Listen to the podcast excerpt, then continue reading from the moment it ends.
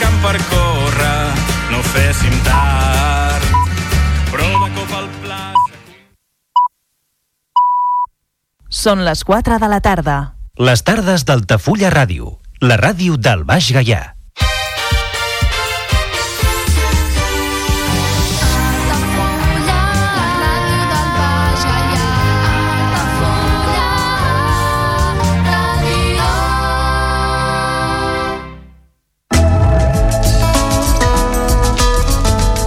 L'agenda a Altafulla Ràdio.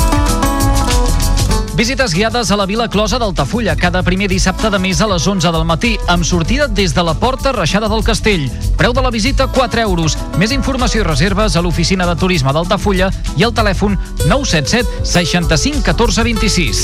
Visites guiades al Castell d'Altafulla cada primer dimarts i últim dissabte de mes de 10 del matí a 1 del migdia. Més informació i reserves a l'oficina de turisme d'Altafulla i al telèfon 977 65 14 26.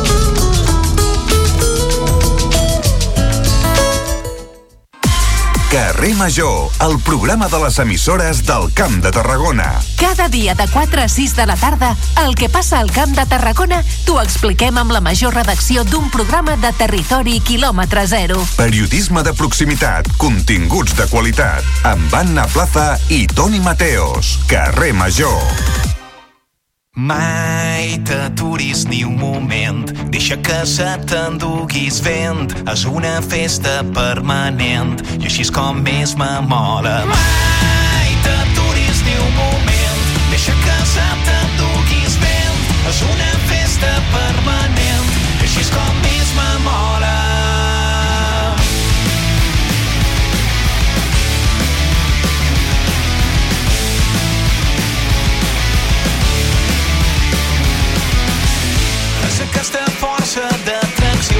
aquesta electricitat, és aquesta estranya sensació, aquesta necessitat, és aquesta forta addicció, aquesta complicitat, és aquesta intensa obsessió que me té ben enganxat. Ja ha arribat la nostra hora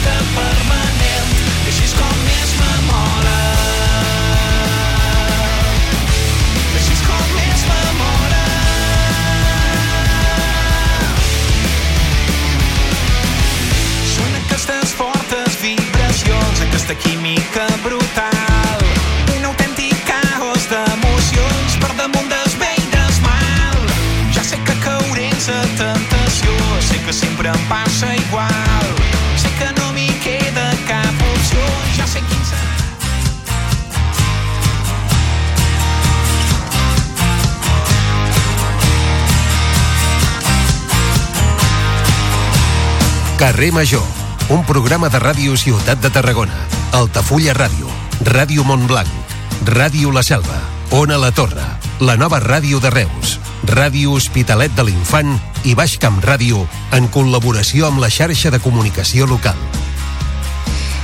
Hola, bona tarda, benvinguts. Això és Carrer Major, el programa que fem 8 emissores del Camp de Tarragona amb el suport de la xarxa de comunicació local. La llei d'amnistia es debatrà i votarà al ple del Congrés de Diputats d'aquí pocs dies, el 30 de gener, segons fonts parlamentàries. La norma ha superat avui dijous el tràmit de ponència que ha incorporat al text les vuit esmenes pactades entre el Partit dels Socialistes, Sumar, Esquerra Republicana, Bildu i el Bloc Nacionalista Gallec. I han votat a favor tots aquests grups i també Junts, que se n'havia despenjat dimarts. El PSOE ha tancat la porta a la resta d'esmenes proposades eh, pels partits, entre les quals hi ha les que havia presentat Esquerra i Junts per separat per blindar l'amnistia per als investigats del tsunami democràtic i els CDRs. Aquestes esmenes queden vives i es debatran en comissió de dimarts de la setmana vinent. Si tampoc hi ha acord en comissió, arribaran vives, per tant obertes, i pot ser que passi qualsevol cosa, al debat del ple. I en paral·lel, el Partit Popular ha dit que les informacions que han anat apareixent aquests últims dies sobre l'operació Catalunya, ja ho sabeu, aquella guerra policial política per intentar mm, investigar i abocar merda una mica, si em permeteu l'expressió, sobre la gent que estava eh, implicada en el desenvolupament del eh, procés, són una cortina de fum per tapar tot aquest eh, procés d'amnistia. El portaveu dels populars, eh, Miguel Tellado, sosté que els socialistes volen amagar el fet que la democràcia està amenaçada per Sánchez. El PSOE és una sombra del que va ser un partit humiliat per l'independentisme. Són les paraules textuals d'avui d'aquest eh, portaveu dels populars, del Partit Popular, en Miguel Tellado. I encara una altra notícia d'interès, aquest àmbit més general. Les emissions de gasos amb efectes eh, hivernacle han caigut un 5,5% durant l'últim any a Catalunya. Els resultats mostren una tendència a la baixa en el consum de combustibles fòssils. Una dada que hem conegut avui, justament en què s'ha anunciat que la zona de baixes emissions de Tarragona s'aplicarà de manera progressiva a partir de l'any vinent, del 2025 i fins al 2027. Això és Carrer Major, són 8 emissores al Camp de Tarragona. Des d'ara i fins les 6 de la tarda us estarem acompanyant tot l'equip que fem possible aquest programa. Liri Rodríguez, l'Aleix Pérez, en David Fernández, la Gemma Bufies, la Cristina Artacho, l'Adrià Requesens, en Jonai González, en Pau Corbalan, l'Antoni Mellados, Antoni Mateos, jo mateixa que sóc l'Anna Plaça, i el Iago Moreno que el tenim al control tècnic. Comencem.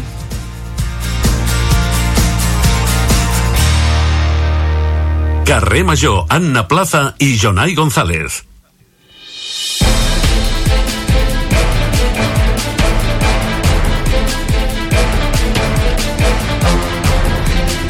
Quatre i sis minuts, moment de repassar en forma de titulars les notícies més destacades del dia al Camp de Tarragona. Jonai González, bona tarda. Molt bona tarda.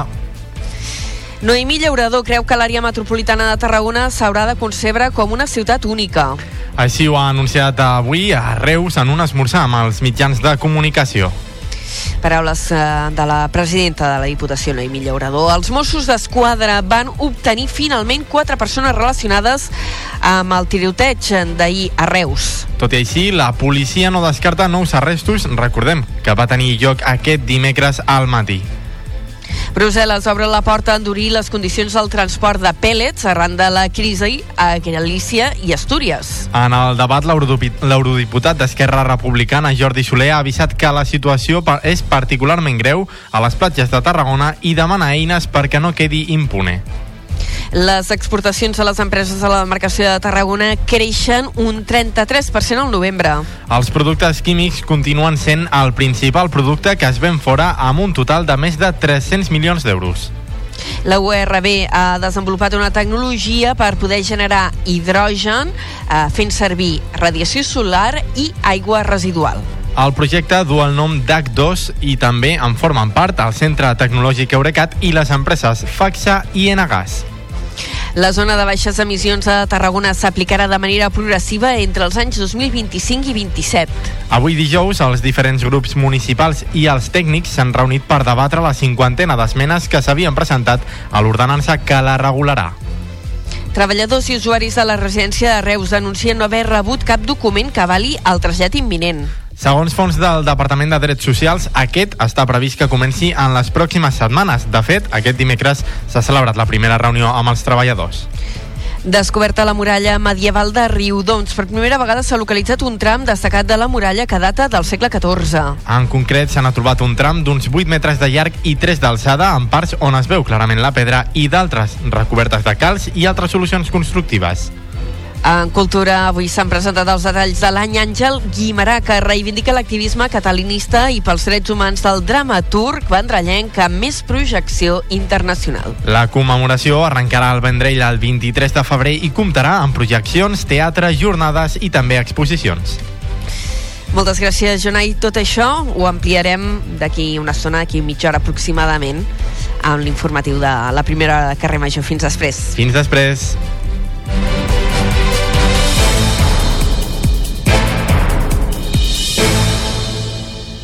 Carrer Major. Toni Mateos.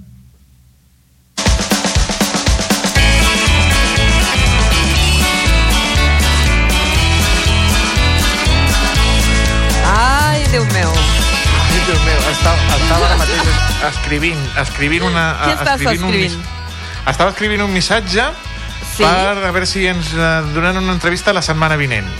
De què, digue'm? De... Vull parlar amb, eh, amb un pilot de Cambrils, l'Ivan Cervantes, Ah, sí que em sona molt. Mira que jo Que no partic- controlo sí. res, però Bé. sí, aquest xic em va sonar, me sona moltíssim. cinc, cinc vegades campió del món d'enduro, Ah, amigo, deixa'm. I que també doncs, eh, va participar al Dakar fa uns anys i vull parlar amb ell de eh, l'experiència seva al Dakar, de la trista notícia de la mort del pilot tarragoní del Carlos Falcón, Ai, etc. sí, quin desastre. Sí, una, Sí, una sí. trista notícia. I ara doncs, estava enviant-li un missatge al, a l'Ivan Cervantes a veure si té un forat la setmana vinent o l'altra, o quan pugui ell, perquè és un home molt ocupat. Ai, molt bé. Què? Què Ai, m'estic mirant, mira, és que avui entrevistarem uh, ara d'aquí no res el Jordi Romera, que és el president del Col·legi d'Arquitectes de, de Tarragona i m'estava mirant el catàleg, diguéssim, de les obres guanyadores d'enguany de, del Premi Alejandro Lasota, que és el Premi d'Arquitectura que convoquen i hi ha coses tan xules, tan si meravelloses. Si tinguéssim diners a la plaça, Si tinguéssim quartos, si eh? tinguéssim quartos i terreno, ai, Ah, quartos. Mira, mira, jo terreno en tinc. El que no... el que no tens és quartos, no?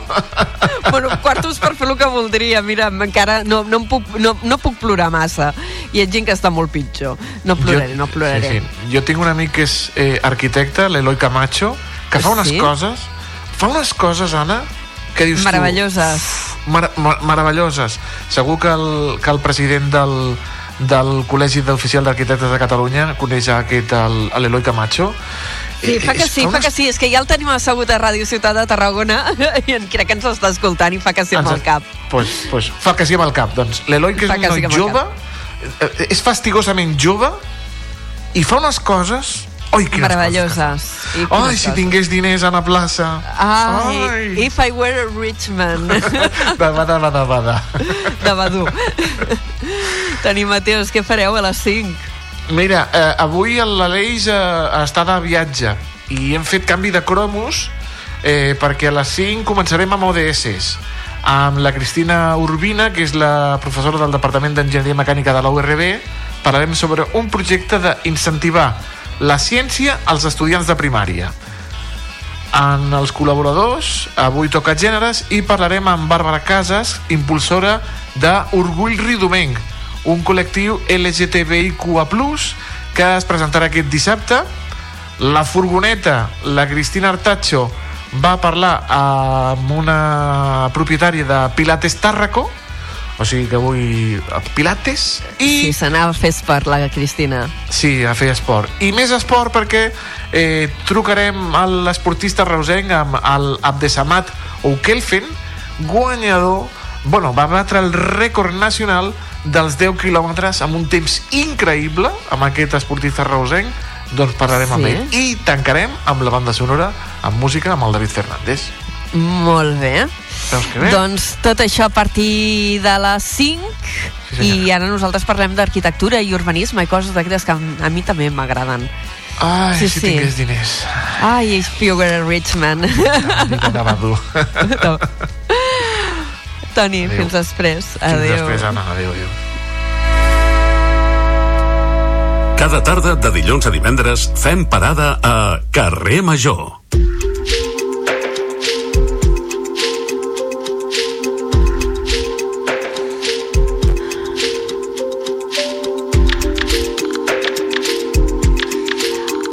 Un minut i serà un quart de cinc de la tarda. Eh, ja ho dèiem, ara ja tenim assegut als estudis de Ràdio Ciutat de Tarragona i permeti'm, em giraré una miqueta per mirar càmera i que em vegi una mica la cara.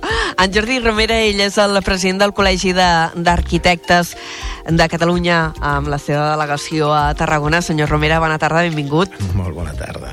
els estava sentint, m'ho estava passant bé, sí, sí, està molt bé. Sí? Està molt bé. el coneix, aquest eh, jove arquitecte que sí, comentava sí, el el... conec, el conec és, és, és, és molt bon company meu, sí, sí, evidentment, sí, sí. Sí que el conec, però ja, deia una cosa que, que, que no estic del tot d'acord, eh? No cal ser molt ric per tenir bona arquitectura. De fet, de fet una de les obres guanyadores, eh, potser la, la que s'ha endut el Premi Alejandro La Sota, és una obra molt, molt econòmica. Eh, I, i, o sigui, la bona arquitectura i, i, i els números a vegades no tenen per què anar de la mà, eh?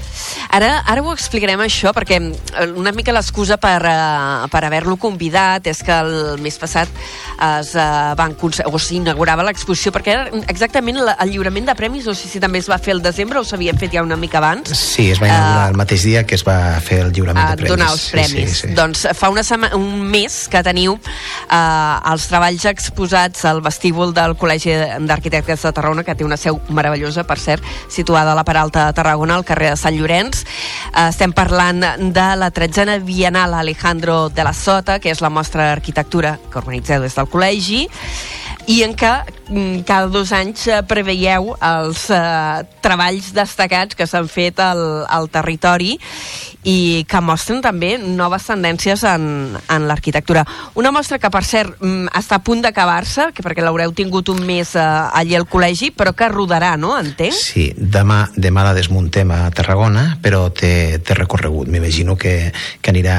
Tenim previst que vagi a Reus, tenim que vagi va, per diversos llocs. Ara no tinc la llista de llocs, però sí, sí. Ara, ara surt d'aquí per anar d'excursió, sí, sí per anar d'excursió i per això també vam pensar, encara que s'acabi demà al Col·legi d'Arquitectes, com que anirà tombant pels llocs, doncs aprofitem per parlar-ne i, i una mica d'aquestes noves tendències en l'arquitectura, perquè ara vostè deia, dir, potser no és tan car, i de fet si anem repassant eh, el dossier, que, que es pot consultar també a través de la vostra pàgina web, mm -hmm. en què hi ha totes les obres seleccionades i les premiades, veiem no sé si m'atreviria un canvi d'estils amb cada vegada materials més naturals, més fusta. He vist molta, molta fusta. Eh, sí, et, sento molt perceptiva, molt bé. O sigui, hi ha, hi ha, no, hi ha, hi ha com una... Eh, ara no, no, no vull estigmatitzar diferents, perquè els projectes poden ser bons de moltes maneres, eh? no cal que estigmatitzar, per, per, però sí que és cert que el, el, s'està transmetent, o, o els, els arquitectes, els companys, transmeten un missatge amb les seves obres, un missatge de molta qualitat formal, i, i, i, i però mm, transmeten missatges eh, socials de sostenibilitat i, i missatges que jo crec que són tan importants com el, el que a més a més sigui fantàstic i, i que millori la vida de les persones, que és el que fa l'arquitectura millora la vida de les persones Però, quan, quan dèiem abans d'obres cares, ara em venia al cap mm. la, la que ha guanyat la Bienal eh, és una obra que és... La, és la Bienal en quina, en quina categoria? Perquè estic repassant i ho sí, explicarem sí, quina és. Hi ha, hi, ha, eh, hi ha diverses categories Eh, abans de dir-ho, sempre explico que quan fem aquests premis des de, i premis, que és una mostra, que és un premi, eh, de, ho fem per, per, per un triple motiu, no? Fem aquest premi per, per, per, en, per recopilar no? tota la bona arquitectura que es fa a la demarcació, ho fem també per, per reconèixer no? els companys que, que fan la feina d'una manera excepcional i per últim també per divulgar-la perquè tots els que vivim aquí siguem conscients de, les, de, de, de l'arquitectura d'alta qualitat que es fa també a les nostres contrades no? i això és important. Llavors tenim diverses categories. Eh, tenim, tenim la categoria d'ús públic eh, de nova planta d'ús públic de nova planta d'ús privat d'obres de restauració, rehabilitació i reforma tenim també la d'espais urbans, parcs, jardins, intervenció del paisatge i urbanisme i d'intervencions en espais interiors i muntatges efímers. D'aquestes obres, eh, ara en parlava, després hi puc parlar d'altres, eh, però ara en parlava precisament de la que té, a més, hi ha un premi extraordinari que donem a, a la que el jurat tria durem no, però jo no dono sí. res hi ha un jurat, un jurat, un jurat en aquest cas un jurat, eh, sempre portem mm, persones de, de reconegudíssim mm, bagatge arquitectònic per, per, pel jurat i, i en aquest cas va ser la, el, el despatx hi havia, estava el despatx de, de, que liderava la Olga Felip d'arquitecturia eh, també estava la Carlota Gispert de Cierto Estudio i després també estava la, la Mònica Alberola que venia en representació de la Fundació Alejandro de la Sota Val? I, mm. i, i, i va ser, i jo crec que hi van fer una tria i ara parlava d'aquesta primera obra que és la que li donen el reconeixement extraordinari que és el Premi Alejandro de la Sota que va ser un, un laberint és un lloc que es pot trobar al Parc de Sant Jordi del, de, Sí. de, de Reus, que no deixa de ser un lloc infantil eh, muntat amb una estructura metàl·lica molt senzilla, molt, Molt senzilla, sí, a la fotografia. Molt, molt amable, on els nens juguen, se barregen i, i fan de l'arquitectura i d'un petit laberint amb transparències a sota d'arbres, eh, fan com un, una, una, una activitat molt experiencial i jo crec que i, i, i darrere d'aquesta obra que és molt senzilla hi ha un missatge i el missatge és que eh, es pot fer molt bona arquitectura amb, amb, amb, amb molta senzillesa amb, amb, molta, amb molta, molta gràcia i fer-la molt participativa i fer-la molt, molt el que volem no? que, que la gent la visqui i, i, i la gaudeixi no? hi ha obres i, i aquest missatge que tu deies no? que s'està donant doncs sí, és veritat que hi ha molta fusta hi ha un missatge de sostenibilitat però també d'una d'una d'una simplicitat de mitjans que també jo crec que és una qüestió que s'està posant damunt de la taula de molt de respecte a lo que hi ha i a l'existent perquè tant el Premi de Rehabilitació fins i tot com el d'ampliació d'obra nova Sí. eh, d'habitatges que és una remunta doncs estem donant també un missatge de, de diguem, de conservar aquesta obra de, de, de tous arquitectes, arquitectes que, que, que, que creix damunt d'un edifici d'aquí de Tarragona eh, Sí. o, o, o l'obra que ha guanyat el Premi de Rehabilitació que és d'un- feta amb una gran sensibilitat que és el de Mas Tutusaus eh, en la que han col·laborat tant el despatx de, de Nou Arquitectures amb, el, amb, amb, amb, amb l'Ajuntament de, de, de Reus no? de Reus, de de que és, Reus sí. és un maset d'aquests petits eh, de les afores de Reus que eh, ha quedat preciós, la veritat. Eh,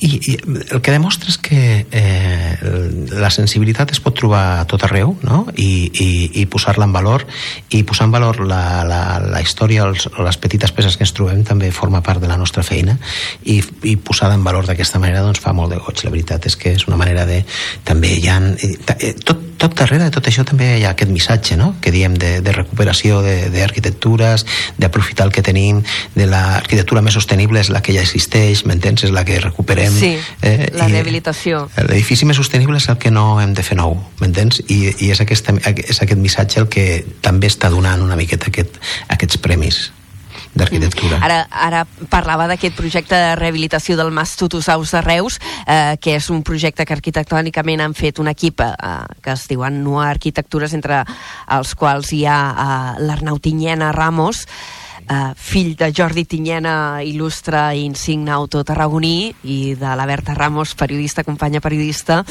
eh, que de fet aquest equip d'arquitectures, que és un equip eh, d'arquitectes molt jove, eh, s'està fent un nom important i Molt, no és l'únic molt, treball que, molt, que teniu finalista. Sí, sí, No, és que no, no, surten... tenen Te'ls ells- vas trobant per tot arreu, sí, en fan coses veritat. molt interessants, fan aquesta coses gent. molt interessants estan, tenen una, com una projecció no solament nacional sinó internacional en aquests moments és, és un orgull tenir companys que, que, que la toquen també, ho fan també És per són joveníssims, perquè què tenen, sobre els 30 anys? Eh, no, m'atreveixo a dir l'edat aquí perquè després em poden trucar i em poden fer mal, m'entens? No?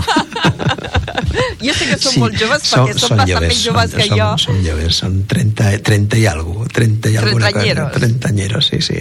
Eh, I fan molt bé tant, tant el, el Ferran com, com l'Arnau com, com la, la Maria.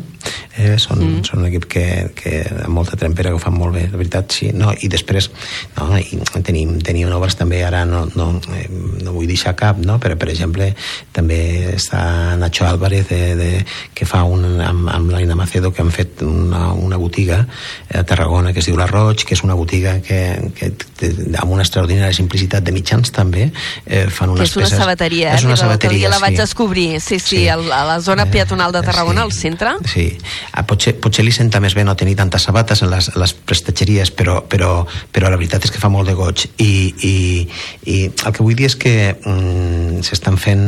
És, hi, ha, hi, ha, una manera de fer, hi ha un missatge, no? Hi ha un missatge també, i no em vull deixar eh, que, que, que, a, a, a l'Anna Bastús i, i una peça molt maca també, que és, que és com una mena de, de, de peça de serveis de, de, pel, per, pel càmping Sangolí, que és la que han premiat com a obra, obra nova. Com, eh, com li diem? És que està quedant amb el nom una miqueta. És- sí, el pavelló, li volem dir eh, un pavelló de banys, no? Com un pavelló Sí. de banys Eh, Nova fantàstic. planta d'ús públics, edificis sanitaris de Salaus, el campus, Sí, sí, el càmping eh, Sangolí a Navastús. Imagina't, que és Graciós, curiós, no? Que deia. És que és curiós, no? Que- Sí, sí. no? És, és un edifici d'una gran simplicitat, línies rectes, Uh, jo, fins i tot me'n recordo una mica el pavelló Miss Van der Rohe de Barcelona, aquella cosa tan recta, tan, tan, és- tan, buscant simplicitat, i en aquest cas, en lloc de marbre, hi trobem fusta. Bueno, i, i, i, i, i perquè jo, i aporta altres valors, no? Que una miqueta que s'intrinca una miqueta en els espais, el- el- el- és que el- l'interior exterior es perd en algun moment i fa que tot sigui com... Sí. O sigui, aquesta, aquesta idea d'estar dintre fora, de, de, de,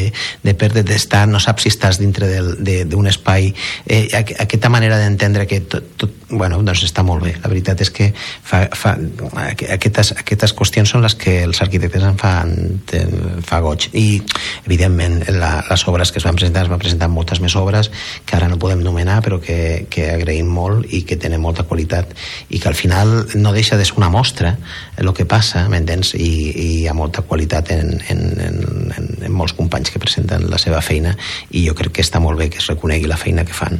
Ara, que xabanderen una miqueta, doncs, però ja, si qualsevol que visiti l'exposició veurà també el, els finalistes i veurà també les obres seleccionades i que no solament hi ha bona arquitectura en els, en els, en els, en els guanyadors, no? que hi ha bona arquitectura també en els, en els que han arribat a en, els que, en totes aquestes obres que s'han presentat i s'ha d'agrair. Mm -hmm. Als arquitectes us agrada veure les obres dels uns als altres, no entenc, també? Jo- mena jo crec que- d'experiències. Jo crec que és fonamental per, per fer... O sigui, no conec un arquitecte que, es pre, que vulgui ser o cregui que pot fer bona arquitectura que no es passegi i vegi l'arquitectura, la visqui, la miri, la gaudeixi, la, la copiï, la, la toqui, la, la. O sigui, al cap i a la fi nosaltres vivim de, de, dels nostres referents sempre com, com arquitectes, referents que anem, que anem alguna vegada repren, reprenent, a vegades abandonant, a vegades... O sigui, tenim aquesta mirada sobre, sobre tot el que ens envolta, no solament lo construït, sinó lo natural, lo que... La, la, la, tenim molts referents quan, quan fem arquitectura i, i evidentment s'agrada, clar i, i tenim un, hi ha un, a vegades tenim un fric i ens agrada fer viatges solament per veure arquitectura Bueno, jo crec que quan viatgem, això de veure arquitectura i edificis i llocs eh, bonics ens agrada, ens agrada gairebé a tothom, encara que no ens ho mirem des de la mateixa perspectiva professional que ho podeu fer vosaltres.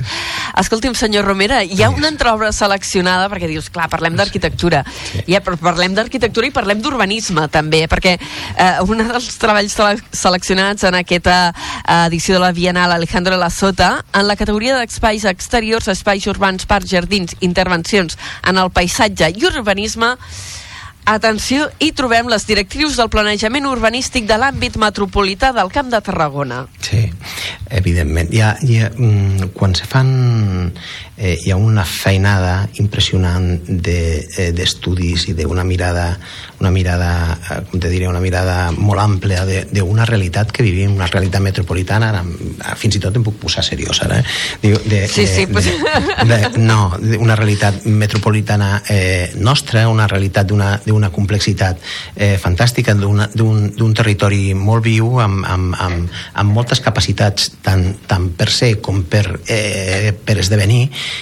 i, i, i, per, i, i no solament ens podem dedicar a parlar d'aquestes coses, sinó hem de tenir molta informació i, i, i, quan, i quan se fan aquests estudis en els que, en els que, que apareix eh, aquesta informació queda reflexada, queda mirada, hi ha moltes mirades sobre diferents aspectes, doncs, evidentment, si no tinguéssim aquestes mirades no podríem entendre què ens passa al territori i com podem actuar. No? Jo crec que és un... ha- Actualment hi ha un tema que està damunt de la taula que, és, que és, també és vanguardia, que és la manera de- d'atendre el nostre territori en aquest moment. Un territori molt, molt interessant perquè, perquè és com totes aquelles zones que estan en període de transformació, en període de canvi, o en, període, o en aquells punts d'inflexió i jo crec que el nostre territori està en un d'aquests punts d'inflexió que és molt, molt, molt interessant. I per això, no solament nosaltres, sinó les escoles, sinó, sinó els arquitectes, les escoles, el, els municipis, i els equips tècnics dels municipis estan molt, molt, molt, molt interessats i molt atents a tot el que pugui passar i, i com pot desenvolupar-se tot el que tenim ara i hi ha gent, molta gent pensant en aquests moments.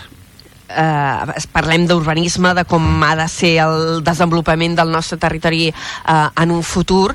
Eh, ara fa molt poquet la, la Generalitat eh, va aprovar el pla director, diguéssim, de l'àmbit eh, eh, litoral que restringeix la construcció en espais que a priori han de, han de quedar protegits. No? Des, de, des del Col·legi d'Arquitectes, eh, eh, com, com veieu com s'ha fet aquesta regulació? Doncs eh, ho veiem amb, amb naturalitat i, amb, i com ha de ser. O sigui, hem passat, hem passat o sigui, s'havia de posar una miqueta d'ordre i, i de límits. Ara no, no estem en aquella fase en la que eh, podem... O sigui, ara ja tots som conscients de que no estem en aquella fase de que, de que podem créixer eh, indefinidament per tot arreu, que podem ocupar-lo tot i que tenim dret a fer-ho.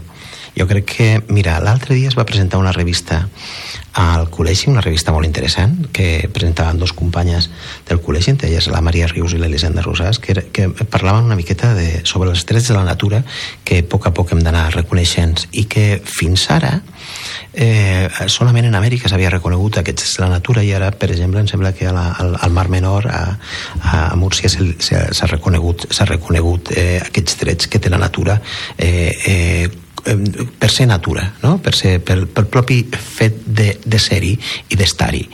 Llavors, el eh, que no podem és dir una cosa i fer la contrària. El que no podem creure que el canvi climàtic és una realitat i no fer res per, per, per, a, per, per atacar-lo. El que no podem eh, pretendre és tenir un territori eh, eh, on conservem la biodiversitat que tenim i els espais naturals que, que els volem protegir i alhora fer exactament el contrari i m'imagino que aquest pla eh, el que posa és una miqueta d'ordre amb aquesta idea de, de, de, de no créixer indefinidament, no créixer per llocs on no toca créixer.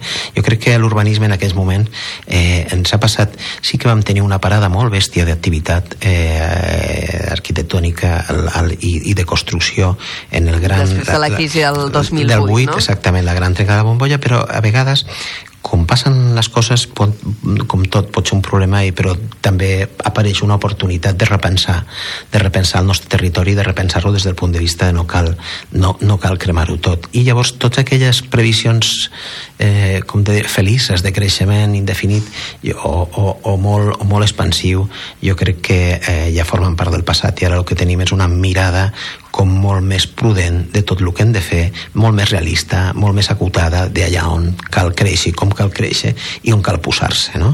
I jo crec que en el fons és el, és el gran debat i, i, i precisament una de les zones més fràgils que tenim en aquests moments és el litoral, eh, fràgil de tots els sentits, per especulació immobiliària, fràgils per, per, pel canvi climàtic, eh, fràgils perquè els ecosistemes cada vegada estan més acotats i, i, i, i a vegades, i, i en el fons tots sabem, en, íntimament que ens encanten tenir uns espais, eh, reconèixer aquests espais naturals i tenir-los a prop, però també hem de tenir capacitat per conservar-los i el planejament el que fa en aquest cas és atendre aquesta, aquesta necessitat.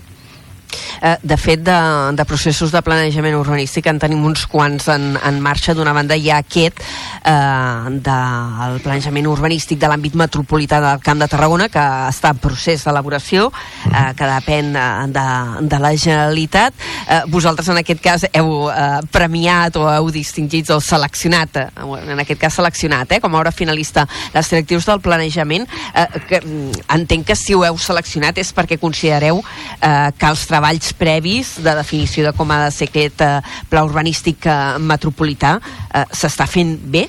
Sí, s'estan fent bé.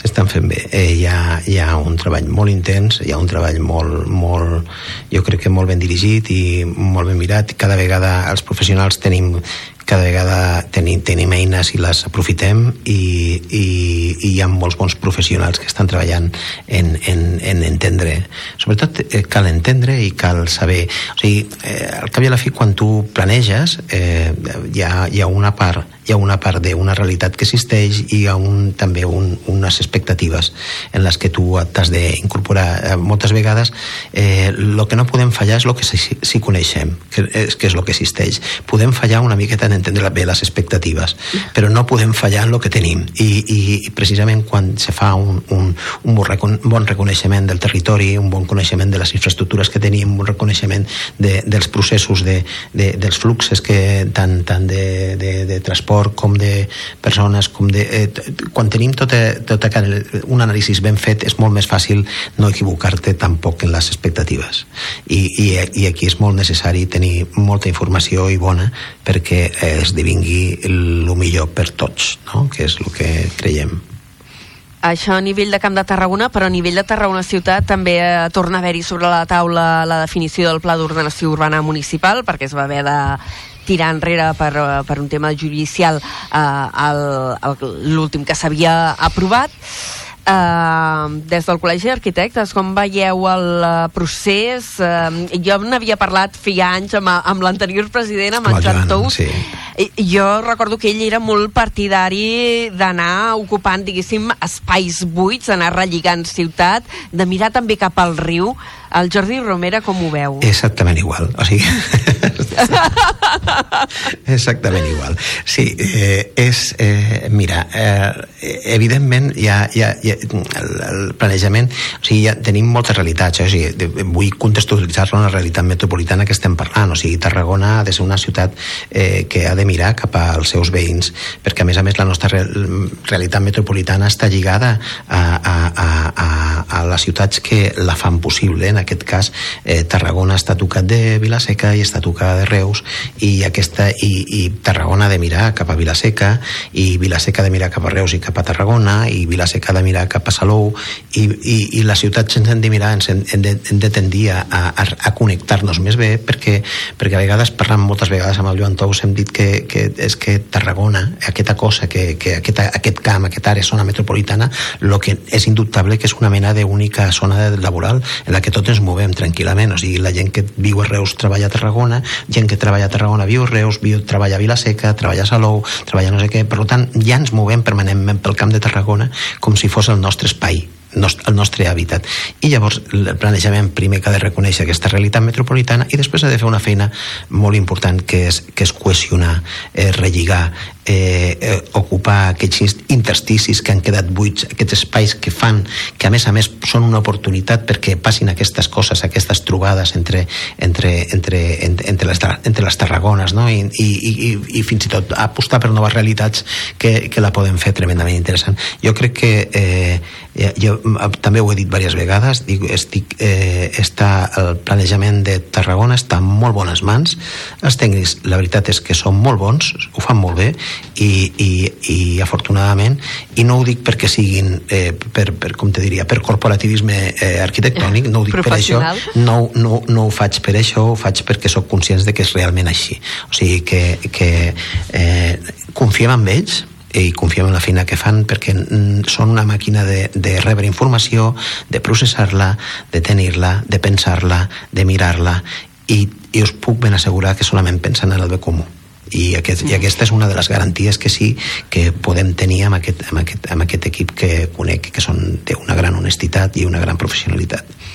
Eh, senyor Romera, hem parlat de nova arquitectura, hem parlat ara d'urbanisme, però no voldria que marxés sense parlar eh, de patrimoni arquitectònic, eh, perquè dies enrere teníem aquí el programa en Josep Maria Boqueres parlant de, de Jujol, ara que a més fa poques setmanes que va morir eh, el seu fill, en Josep Maria Jujol Júnior.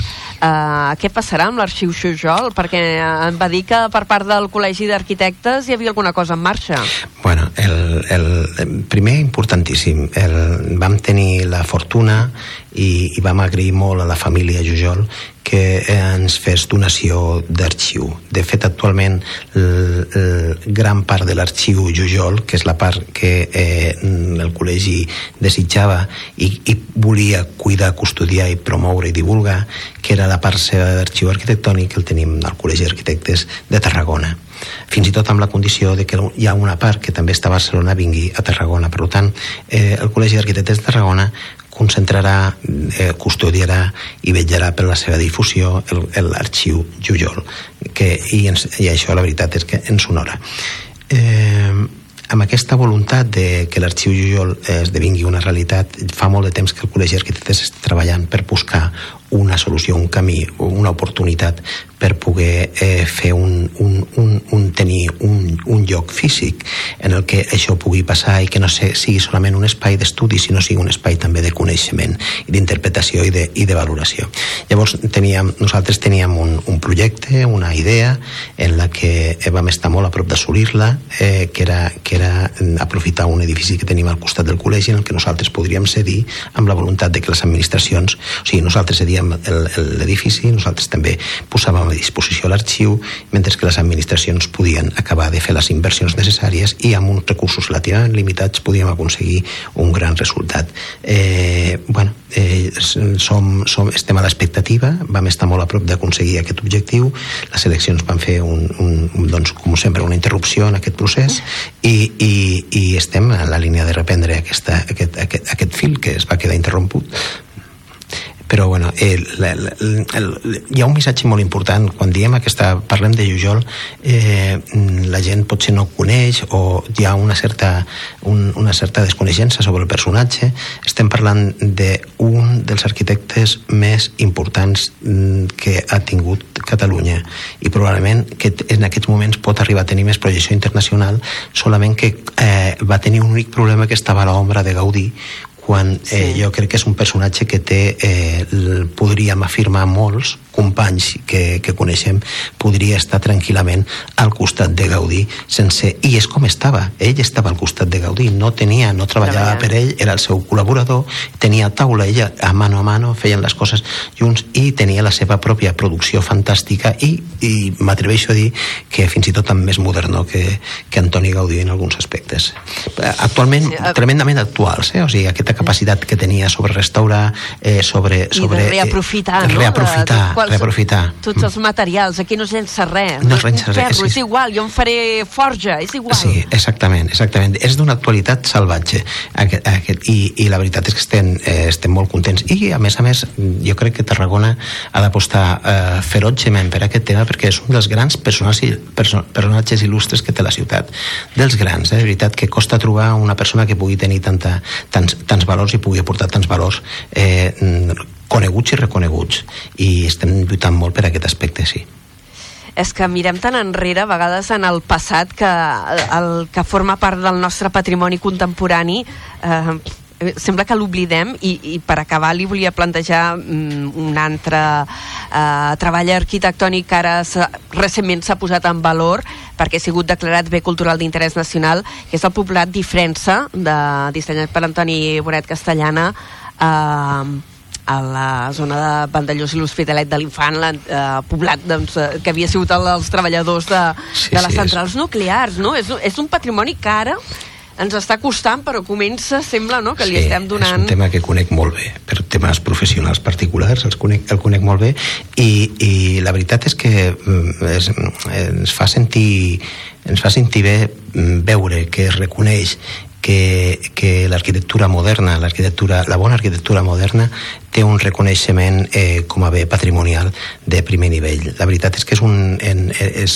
és una de les últimes colònies industrials que es fan a l'Estat, vinculada a la central nuclear de Vandellós. Eh, estem parlant de, de, de, de, dels anys de principis dels 70, finals dels, dels 60, estem parlant d'aquesta època. Eh, S'implanta la central nuclear i es busca i es fa una nova, una nova, una nova implantació perquè els treballadors de la central tinguin un lloc, un lloc fantàstic on viure i, i cal reconèixer que va, va fer una feina extraordinària perquè era un lloc en el que la veritat és que costava molt sortir-ne d'allà perquè ho tenien tot, no? Tenien des d'una gran escola, des d'uns equipaments fantàstics, des de, des de, i amb una qualitat arquitectònica in, in, in, difícil de millorar pel, pel moment i per la, i, i per, per la modernó, per lo que proposava, per la implantació en el terreny, per el seu respecte a la topografia, amb la mirada, amb l'espai que hi ha, la mirada al mar, ara tot això s'ha transformat molt, però encara en aquests valors es poden reconèixer perfectament i la veritat és que fa molt de goig i en aquests moments em, em consta que el, el, eh, em consta i és així que l'Ajuntament eh, ha fet molts esforços per posar-lo en valor cosa que és, eh, que, que eh, és un elogi m'entens? perquè una institució municipal reconegui aquests valors i els vulgui posar fent una un- una, una,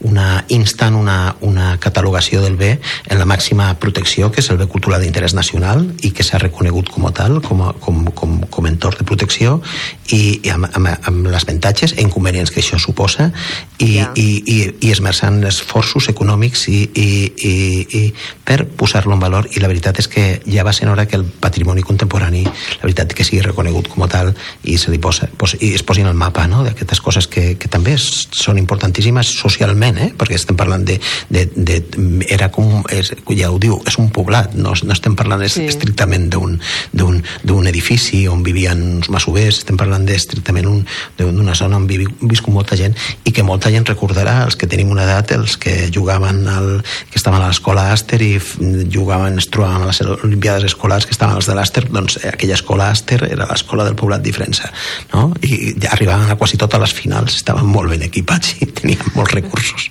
estava molt bé Doncs li he acabat toca, eh, traient un tema que, que veig que el toca de nivell més personal del que jo sabia. Sí, eh, li, li agraïm moltíssim al Jordi Romera, el president del Col·legi d'Arquitectes de, de Catalunya, a la delegació de Tarragona, que ens hagi acompanyat avui i hem parlat una mica de, de tot, una mica d'arquitectura contemporània, dels de, treballs que heu seleccionat enguany en aquesta Bienal Alejandro de la Sota, que és una mostra de la bona arquitectura que es fa al nostre territori. Hem parlat d'urbanisme, hem parlat de patrimoni. Moltíssimes gràcies i Moltes ja gràcies. tornarem a xerrar un dia o No, altre. no, jo estic a, a, la vostra, a la vostra disposició. Jo podria passar molta estona parlant de moltes coses, sobretot Jo, si m'agraden, eh? Tenim un, sí, tenim un informatiu Sí, que, que si no no exacte, ens donarà temps. Moltes gràcies. Senyor Romera, Vinga, molt moltíssimes Vinga, gràcies. Adéu-siau. Adéu, adéu. Carrer Major, al Camp de Tarragona, des de ben a prop.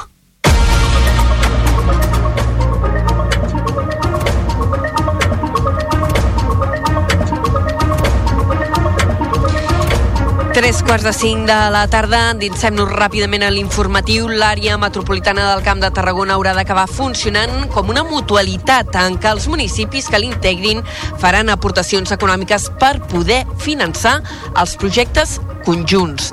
N'ha parlat avui la presidenta de la Diputació, Noemí Llaurador, en un esmorzar amb la premsa, en què ha aprofitat eh, per parlar d'aquest incipient procés de creació d'aquest nou mecanisme d'organització territorial. Llaurador, que encara no ha volgut eh, concretar terminis, sí que ha dit que l'àrea metropolitana s'haurà d'acabar dotant de personalitat jurídica pròpia, sigui quina sigui la fórmula que finalment s'esculli. Jonai González, bona tarda de nou. Molt bona tarda de nou. La presidenta de la Diputació ha explicat que els diferents ajuntaments i organismes impulsors ja han determinat els integrants de les comissions de treball i que les reunions començaran aviat. Serà a partir d'aquest treball que es determinarà quina forma adoptarà l'àrea metropolitana i també si l'acaben integrant més municipis. Llaurador ha avançat que d'entrada tenen clar que l'àrea metropolitana haurà de funcionar com una mutualitat. Noemí Llaurador pensa que la futura àrea metropolitana de Tarragona s'ha de concebre com una ciutat única. Assenyala que una de les... que haurem de funcionar mutualitzant recursos. No mancomunant, mutualitzant recursos. És a dir, que nosaltres com a municipis haurem de fer les nostres aportacions en aquesta àrea metropolitana i amb aquests recursos es podran fer coses que beneficiïn en concret dins del nostre terme municipal o que cauran en un altre terme municipal, però que ens sentirem igualment nostra perquè estem en aquesta ciutat única que serà l'àrea metropolitana del Camp de Tarragona. Llaurador ha manifestat que les comissions de treball aniran abordant les qüestions d'interès comú dels municipis a mesura que es vagin plantejant. Ara, per exemple, a sobre de la taula hi ha la redacció del Pla Director Urbanístic del Camp de Tarragona que realitza la Generalitat. Un altre tema transcendent és el del transport, tenint en compte projectes com el tramcamp o les concessions dels autobusos interurbans que acaben al 2027. Recordem que el grup impulsor de l'àrea metropolitana del Camp de Tarragona està integrat eh, pels municipis de Tarragona, Reus, Constantí, Cambrils, La Canonja, Vilaseca, Salou i Valls. També hi ha els Consells Comarcals del Baix Camp i el Tarragonès, la Diputació de Tarragona i la Delegació del Govern. Dit això, us expliquem ara que els Mossos d'Esquadra van detenir finalment ahir quatre persones relacionades amb el tiroteig que va tenir lloc eh, dimecres al matí a Reus. Tot i així, la policia no descarta nous arrestos. Des de la nova ràdio de Reus ens ho explica en David Fernández. Els Mossos van detenir aquest dimecres a la tarda tres homes de 18, 31 i 32 anys, membres de la mateixa família, per la seva relació amb el tiroteig del matí al barri Sant Josep Obrer, encara que prèviament, poc després dels fets, ja havien detingut un altre individu de 27 anys. A banda, però, no es descarten nous arrestos, ja que hi ha una cinquena persona investigada. La policia confirma que el tiroteig s'hauria produït per una baralla entre veïns de la zona. L'ampli dispositiu policial desplegat i els escorcolls en alguns domicilis va acabar amb el decomís de quatre armes llargues, dues curtes, dues defenses elèctriques i una navalla. Conjuntament amb la Guàrdia Urbana, els Mossos reforçaran els pròxims dies el patrullatge al barri. Moltes gràcies, David. Dades econòmiques ara. Les exportacions a les empreses a la demarcació de Tarragona han crescut un 33% durant el mes de novembre. Els productes químics continuen sent el principal producte que es ven a fora amb un total de 300 milions d'euros. El territori se situa com la demarcació catalana on més creix l'exportació. Els productes energètics van experimentar també un creixement del 370%. A l'acumulat general del que portem d'any, les exportacions han registrat un creixement més moderat en torn al 5,2%. Les importacions segueixen clarament per sobre de les exportacions amb un saldo comercial negatiu de 6.000 milions d'euros. Les dades estatals reflecteixen un descens de les importacions del 9,9% respecte al novembre de l'any 2022. Investigadors de la Universitat Rovira i Virgili han desenvolupat una tecnologia que busca generar hidrogen amb radiació solar a partir d'aigua residual. El projecte du el nom DAC2 i també en formen part el Centre Tecnològic Eurecat i les empreses FAXA i Enagas. Des de Ràdio Ciutat de Tarragona ens ho explica l'Adrià Tella. En paral·lel a aquestes tasques s'ha registrat una patent i s'està gestionant la seva extensió a diferents països. La mateixa proposta compta amb una planta pilot experimental que s'ha ubicat a la teulada d'un dels edificis del campus Escalades de la URB, mentre ja es treballa per implementar-ne una a escala industrial que permeti consolidar un model d'energia circular viable i rendible i que serà col·locada en una estació depuradora d'aigües residuals. Alberto Puga, un dels responsables del projecte i investigador de la URB, n'explica el funcionament. És una tecnologia solar fotocatalítica i el que fem és tractar aigües residuals. Eh, aquestes aigües residuals passen pel, per dintre els panells i eh, amb la irradiació del sol eh, s'aconsegueix dues coses. Una és eh, eliminar contaminants, eh, degradar contaminants, i en paral·lel l'altra és produ produir hidrogen. O sigui, d'aquests contaminants que hi ha en les aigües n'extraiem hidrogen. O sigui, és un procés eh, de, des de descontaminació, però és un procés productiu. És un procés on valoritzem el residu que hi ha en l'aigua residual. El projecte està finançat pels fons europeus Next Generation i per l'Agència Estatal d'Investigació del Ministeri de Ciència i Innovació i pretén consolidar aquest model d'energia com una opció real.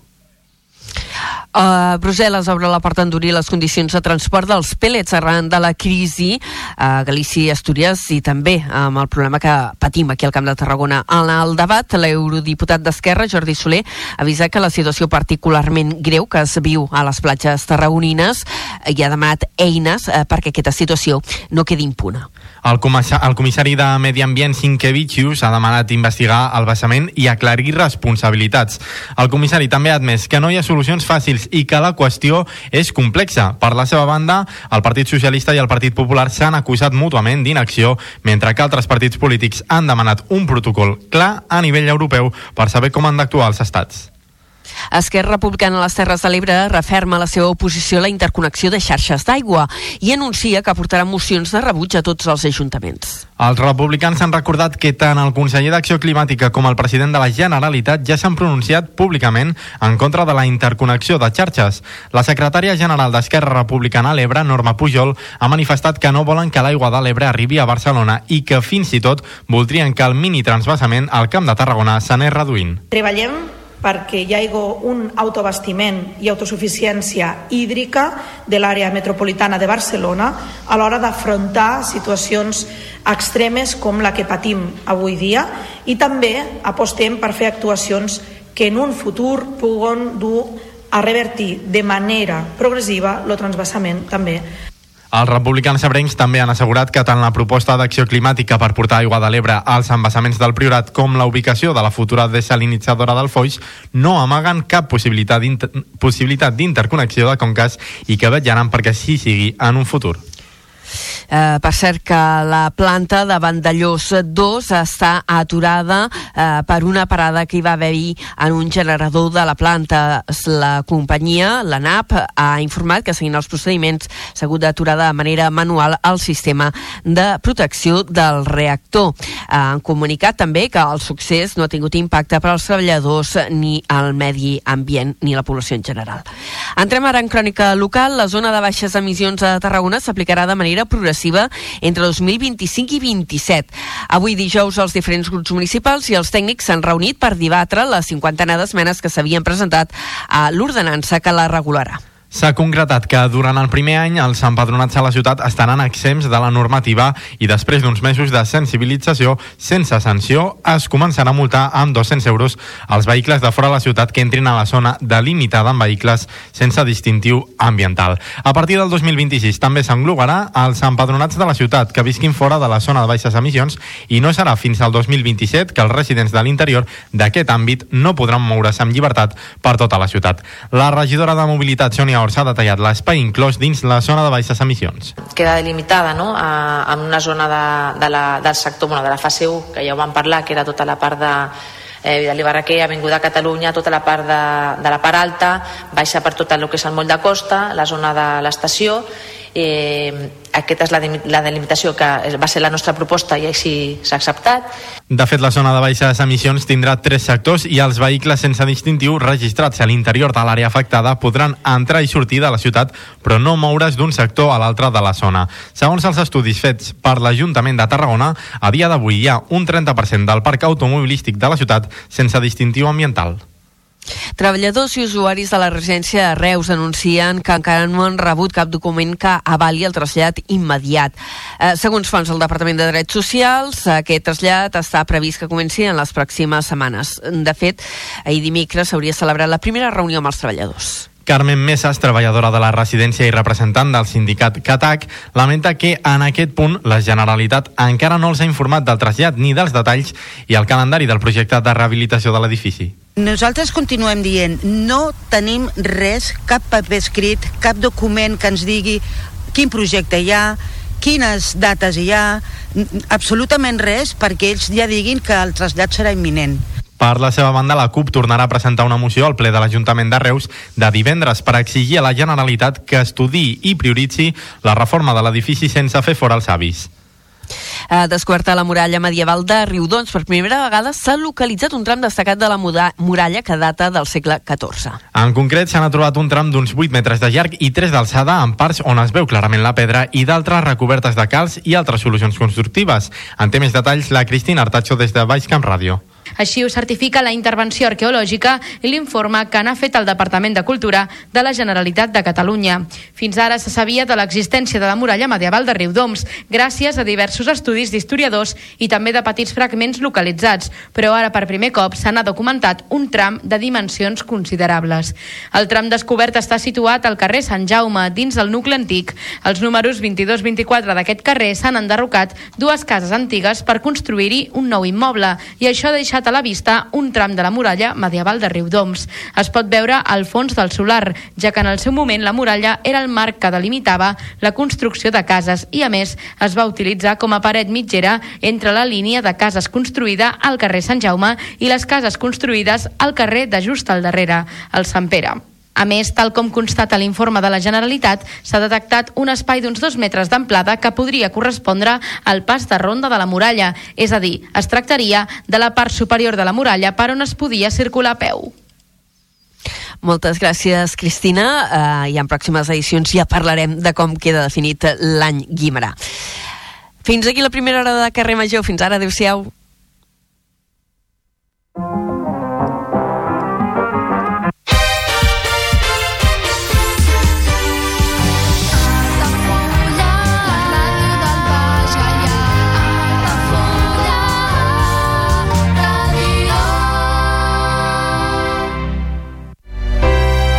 Comunions 2024. Dates ja disponibles amb sales privades, jardí, pàrquing privat i la millor gastronomia. Més informació i reserves al 977 65 11 55 i a comercial arroba altafullamarotel.com o al web altafullamarahotel.com. Les teves celebracions familiars a l'Altafulla Mar Hotel. Ja coneixes les propostes que t'ofereix el Club Marítim Altafulla? Vine i descobreix totes les nostres activitats. Sortides en caiac o pa del surf, cursos de vela per a totes les edats. No t'ho perdis. Club Marítim Altafulla. Obert tot l'any i per a tothom. Carrer Major, el programa de les emissores del Camp de Tarragona. Cada dia de 4 a 6 de la tarda, el que passa al Camp de Tarragona t'ho expliquem amb la major redacció d'un programa de territori quilòmetre zero. Periodisme de proximitat, continguts de qualitat, amb Anna Plaza i Toni Mateos. Carrer Major. Al meu país la pluja no sap ploure. Canvi climàtic asseca els rius, posa en risc l'abastament d'aigua i la producció d'aliments. Treballem per fer front a la sequera i garantir l'aigua, però cal l'esforç de tothom. Cada gota compte. La pluja no la controles, l'aixeta sí. Generalitat de Catalunya, sempre endavant.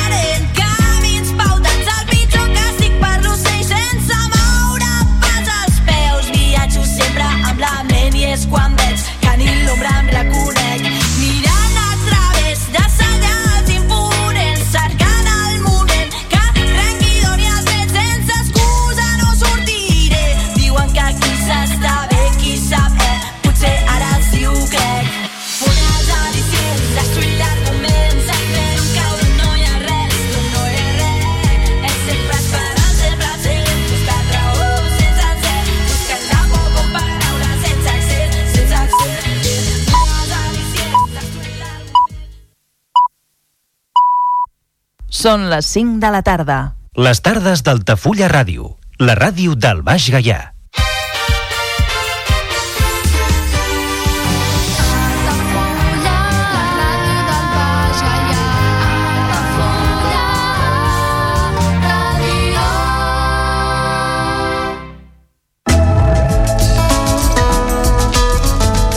L'agenda Altafulla Ràdio.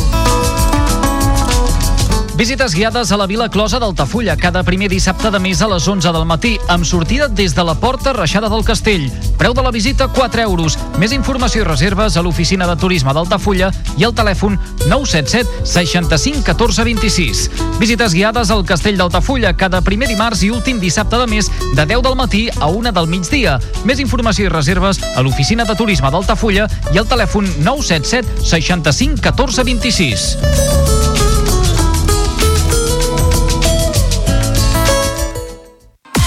Carrer Major, el programa de les emissores del Camp de Tarragona. Cada dia de 4 a 6 de la tarda, el que passa al Camp de Tarragona t'ho expliquem amb la major redacció d'un programa de territori quilòmetre zero. Periodisme de proximitat, continguts de qualitat, amb Anna Plaza i Toni Mateos. Carrer Major.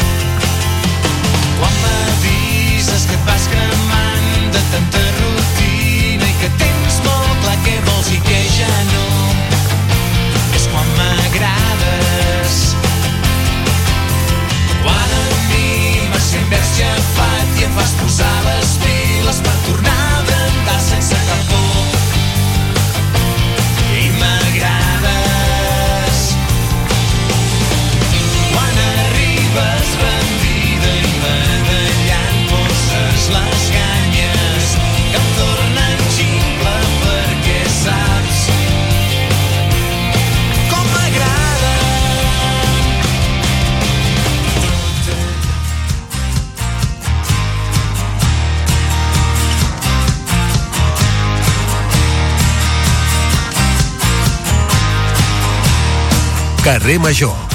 Toni Mateos. Hola, què tal?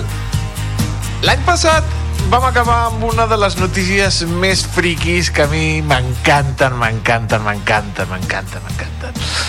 No sé si se n'en recorden que el passat 2 de desembre el torero Juan Ortega i la que era la seva núvia, la Carmen Ote, van protagonitzar una de les notícies més esperpèntiques i impactants de la premsa nacional.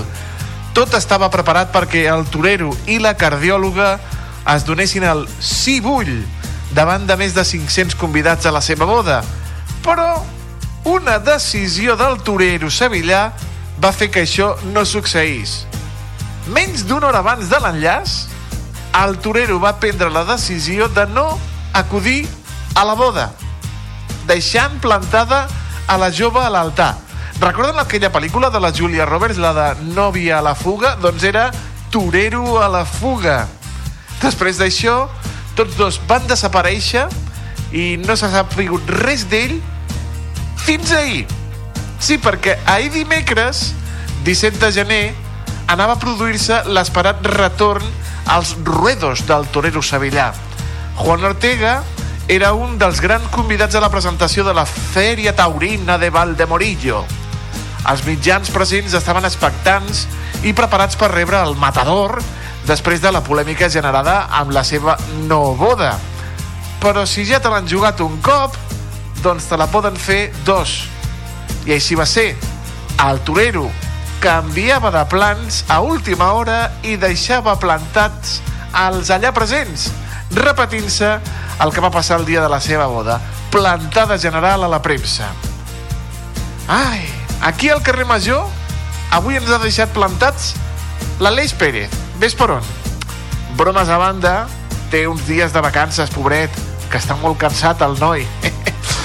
La resta de companys que fem possible el programa som aquí, des de les 8 emissores que fan realitat al carrer Major, és a dir, Ràdio Ciutat de Tarragona, Ràdio Hospitalet de l'Infant, Baix Camp Ràdio, la nova Ràdio de Reus, Altafulla Ràdio, Ona la Torre, Ràdio Montblanc i Ràdio La Selva del Camp. En Diego Moreno mai ha deixat plantat a ningú. El tenim a l'altre costat, controlant i pivotant els cables. I un servidor, Antoni Mateos, que els parla en aquesta magnífica tarda de dijous. Tarde, les 5 de la tarda. Valor i el toro. Benvinguts a Carrer Major. Tot el que passa al Camp de Tarragona t'ho expliquem a Carrer Major.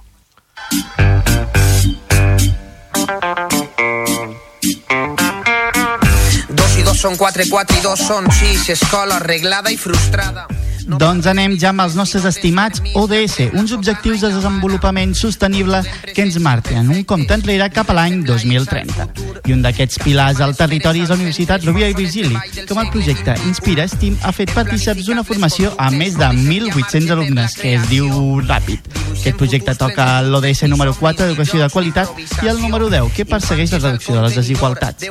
Per parlar-ne amb nosaltres tenim a Cristina Urbina, professora del Departament d'Enginyeria Mecànica de la URB i coordinadora del projecte. La tenim amb nosaltres. Molt bona tarda, Cristina. Hola, molt bona tarda. Moltes gràcies per venir aquí a explicar a Carrer Major aquesta iniciativa. Primer de tot, què és aquest projecte Inspira Steam, d'on sorgeix i una mica també com ha sigut aquest procés per dur-lo a terme. Uh, gràcies a vosaltres, primer, per convidar-nos.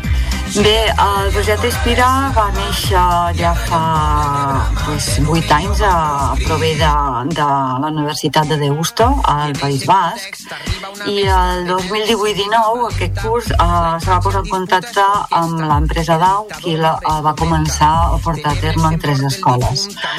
Aquell mateix any eh, es va posar en contacte amb l'Escola Tècnica Superior d'Enginyeria Química, on estava jo en aquell moment de responsable de comunicació i difusió, Universidade i ens va proposar portar el projecte.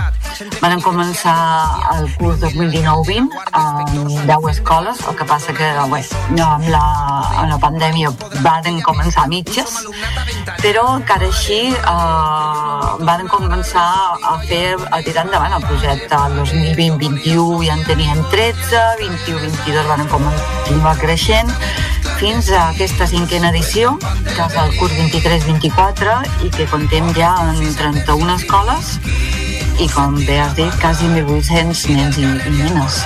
déu nhi Que, que, es, es, es diu aviat, es diu aviat. Es diu aviat, però déu nhi també tota la feina no? i totes les nenes i els nens que arriba, perquè al final també aquest, aquest projecte no? també va molt lligat a la reducció de les desigualtats de, de, de gènere, també una mica quin, quin és el paper de, de, tant de nois com de noies en aquest projecte.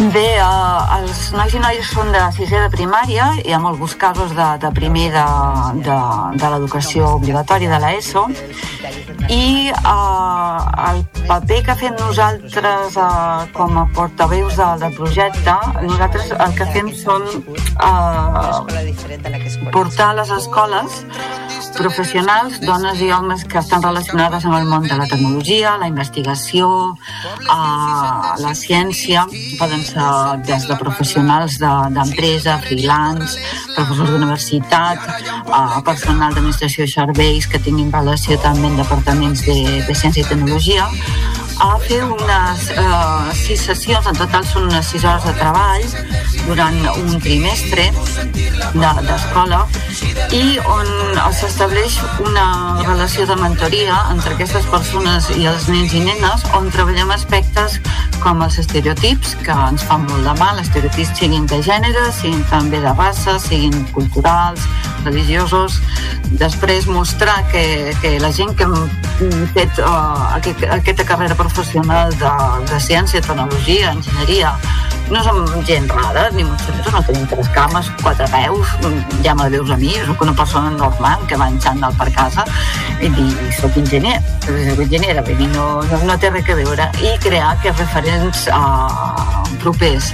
Expliquem professions STEAM, més enllà de bomber, policia, mestre o youtuber, maleït sigui. O sigui, aquestes, aquestes professions que ha més camins, hi ha universos per descobrir on una persona pues, es pot fer. I la idea és que els nens i les nenes doncs, desterrin una mica el tinc que fer això, sinó que ho substitueixin en vull fer. És a dir, que, si, que, que vegin més possibilitats de futur, més, més tipus d'estudis, no necessàriament ni molt menys d'universitat, eh? Eh, l'excel·lent formació professional que hi ha de graus és, és vamos, inacabable i molt necessària no? pel territori. I per tant, més que res fer-los obrir, obrir camins. Exacte, no? que quan hagin de prendre una decisió tinguin també els màxims coneixements possibles de totes les opcions professionals que hi ha. i que es vegin capaços, no, no s'autolimitin. Hi ha molta autolimitació imposada, per, per, sobretot pels estereotips, de pensar, sobretot de les nenes, de que la tecnologia no va amb elles, no? I que, que es vegin capaços com, com, altres, com altres nens o com qualsevol, qualsevol persona. Vull dir, no, de- d'estar a la idea de que una, una professió va lligada a un, a un gènere. Clar, i perquè també, malauradament, no, al final aquest bagatge ve doncs, de molts segles d'història on moltes vegades, malauradament, no, les dones científiques o en, en general no, han, han estat invisibilitzades o potser no han tingut doncs, tota, tot el reconeixement que mereixien. Mhm. Sí, de fet, en una de les sessions és dedicada a, a dones a la història, però també dones actuals, perquè encara es repeteix que quan preguntes, l'única dona que te saben dir els alumnes és Marie Curie. Me sembla fantàstic. O algunes dones que, bueno, ja, vull dir, fa masses anys, però hi ha una quantitat de dones científiques, eh, tecnòlogues, enginyeres que es dediquen a la seva feina i que fan coses extraordinàries, que no són donades a la llum. Nosaltres, nosaltres tenim, uh, intentem donar, donar pas a que es coneguin i que vegin el mateix, que són dones normals i corrents que han decidit fer aquesta, aquesta feina perquè volen i, i han pogut també, no? I, i per tant, crec que, que és una bona forma de d'ampliar aquesta, aquesta mirada, vulguis o no.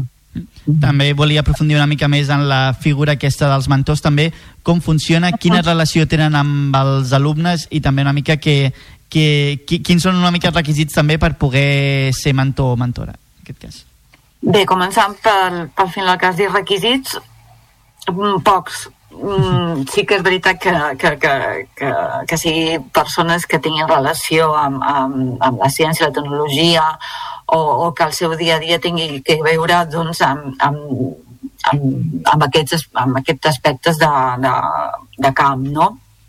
Ah, inclús tenim, uh, no pensis, tenim, tenim gent economistes, tenim gent que, que són de, de l'Institut de Paleontologia, de, des de la seva vessant científica. És a dir, el, el perfil és molt ampli.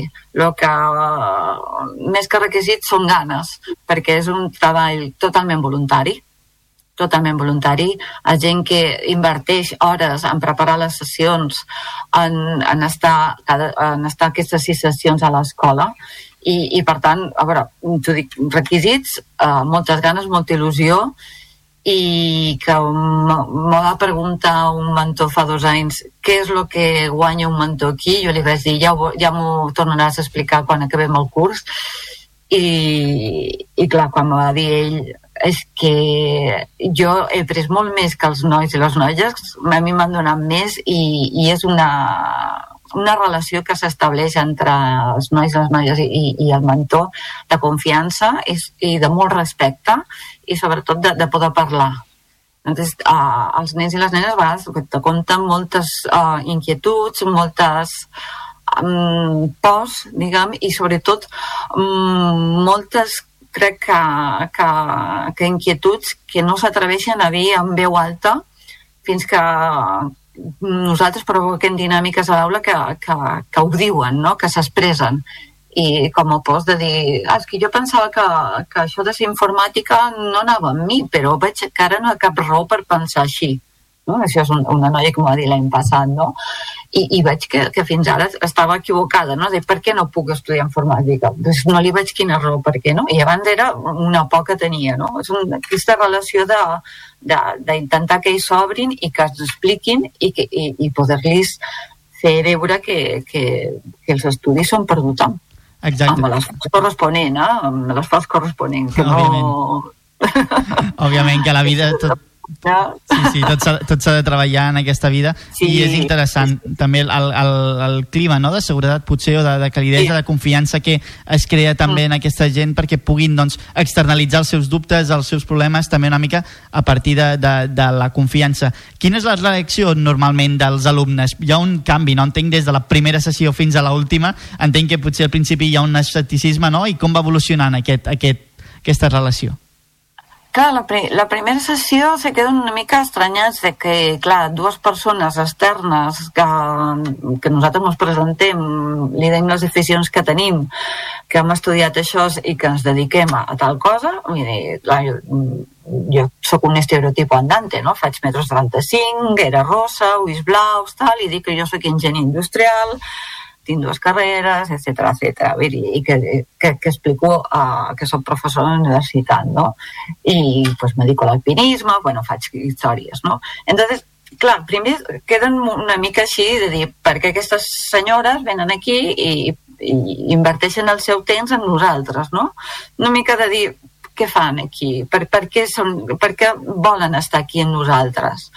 I a poc a poc, quan comences a fer activitats de, que són activitats de mentoria, intentant doncs, que preguntant-los molt, fer-los reflexionar amb, amb les activitats, poses en petits grups, convides a, a que s'expressin, preguntes, i vas creant aquest, el que dius tu, aquest clima d'expressió de, de, d'expressió i de seguretat, que a poc a poc fa que l'últim dia eh, vegis molta diferència. Per exemple, l'any passat, no, a l'escola on estava, del primer dia de que algunes noies no sabien què, què, què fer, què estudiar, a l'últim, expressar lliurement com es veien d'aquí, quan tinguessin 30 anys, clar que per elles sembla moltíssim, no?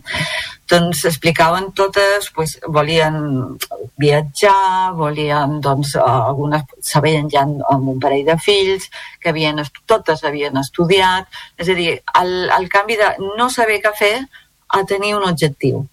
I crec que és, amb això és importantíssim, no?, el canvi, i sobretot la confiança, que, que crec que a vegades eh, l'autoestima i l'autoconfiança crec que creixen, en molts casos. Jo crec que sí.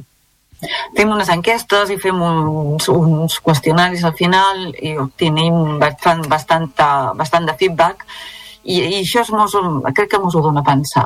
Sobretot l'autoconfiança i l'autoestima crec que creixen amb, amb elles i ells, sí, sí, sí. sí. I encara més en una etapa on també és tan important no tenir aquestes guies, aquests referents, també una mica doncs, saber el que vols i el que no vols.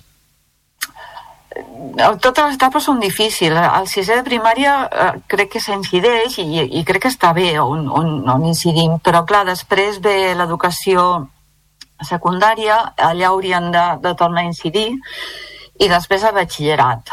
Però jo crec que eh, posant una llavor a primària, um, si dels no sé, si aconseguim un 10-15% d'èxit, jo ja, ja estaria contenta. Sí. Clar, no tenim manera de, de fer el seguiment, evidentment, perquè després de la primària marxen molts alumnes a diferents llocs i, i ens és impossible, no? Però almenys la llavor està sembradita i, i alguna cosa jo crec que sí que, sí que aconseguim. Exacte, mm. esperem que doni els seus fruits, no? Totes aquestes llavors mm. que porteu plantant durant tant de temps. Moltíssimes gràcies, Cristina Albina, professora del Departament d'Enginyeria Tècnica de la Universitat Rovira i Virgili i també coordinadora d'aquest projecte Inspira Steam. Moltes gràcies per venir aquí a Carrer Major. Gràcies a vosaltres i, i, i pel programa i que no el coneixia i, i de ben segur que, que ja teniu una altra seguidora. Moltes gràcies, vagi bé. Vinga, adéu. Carrer Major, fent camp de Tarragona.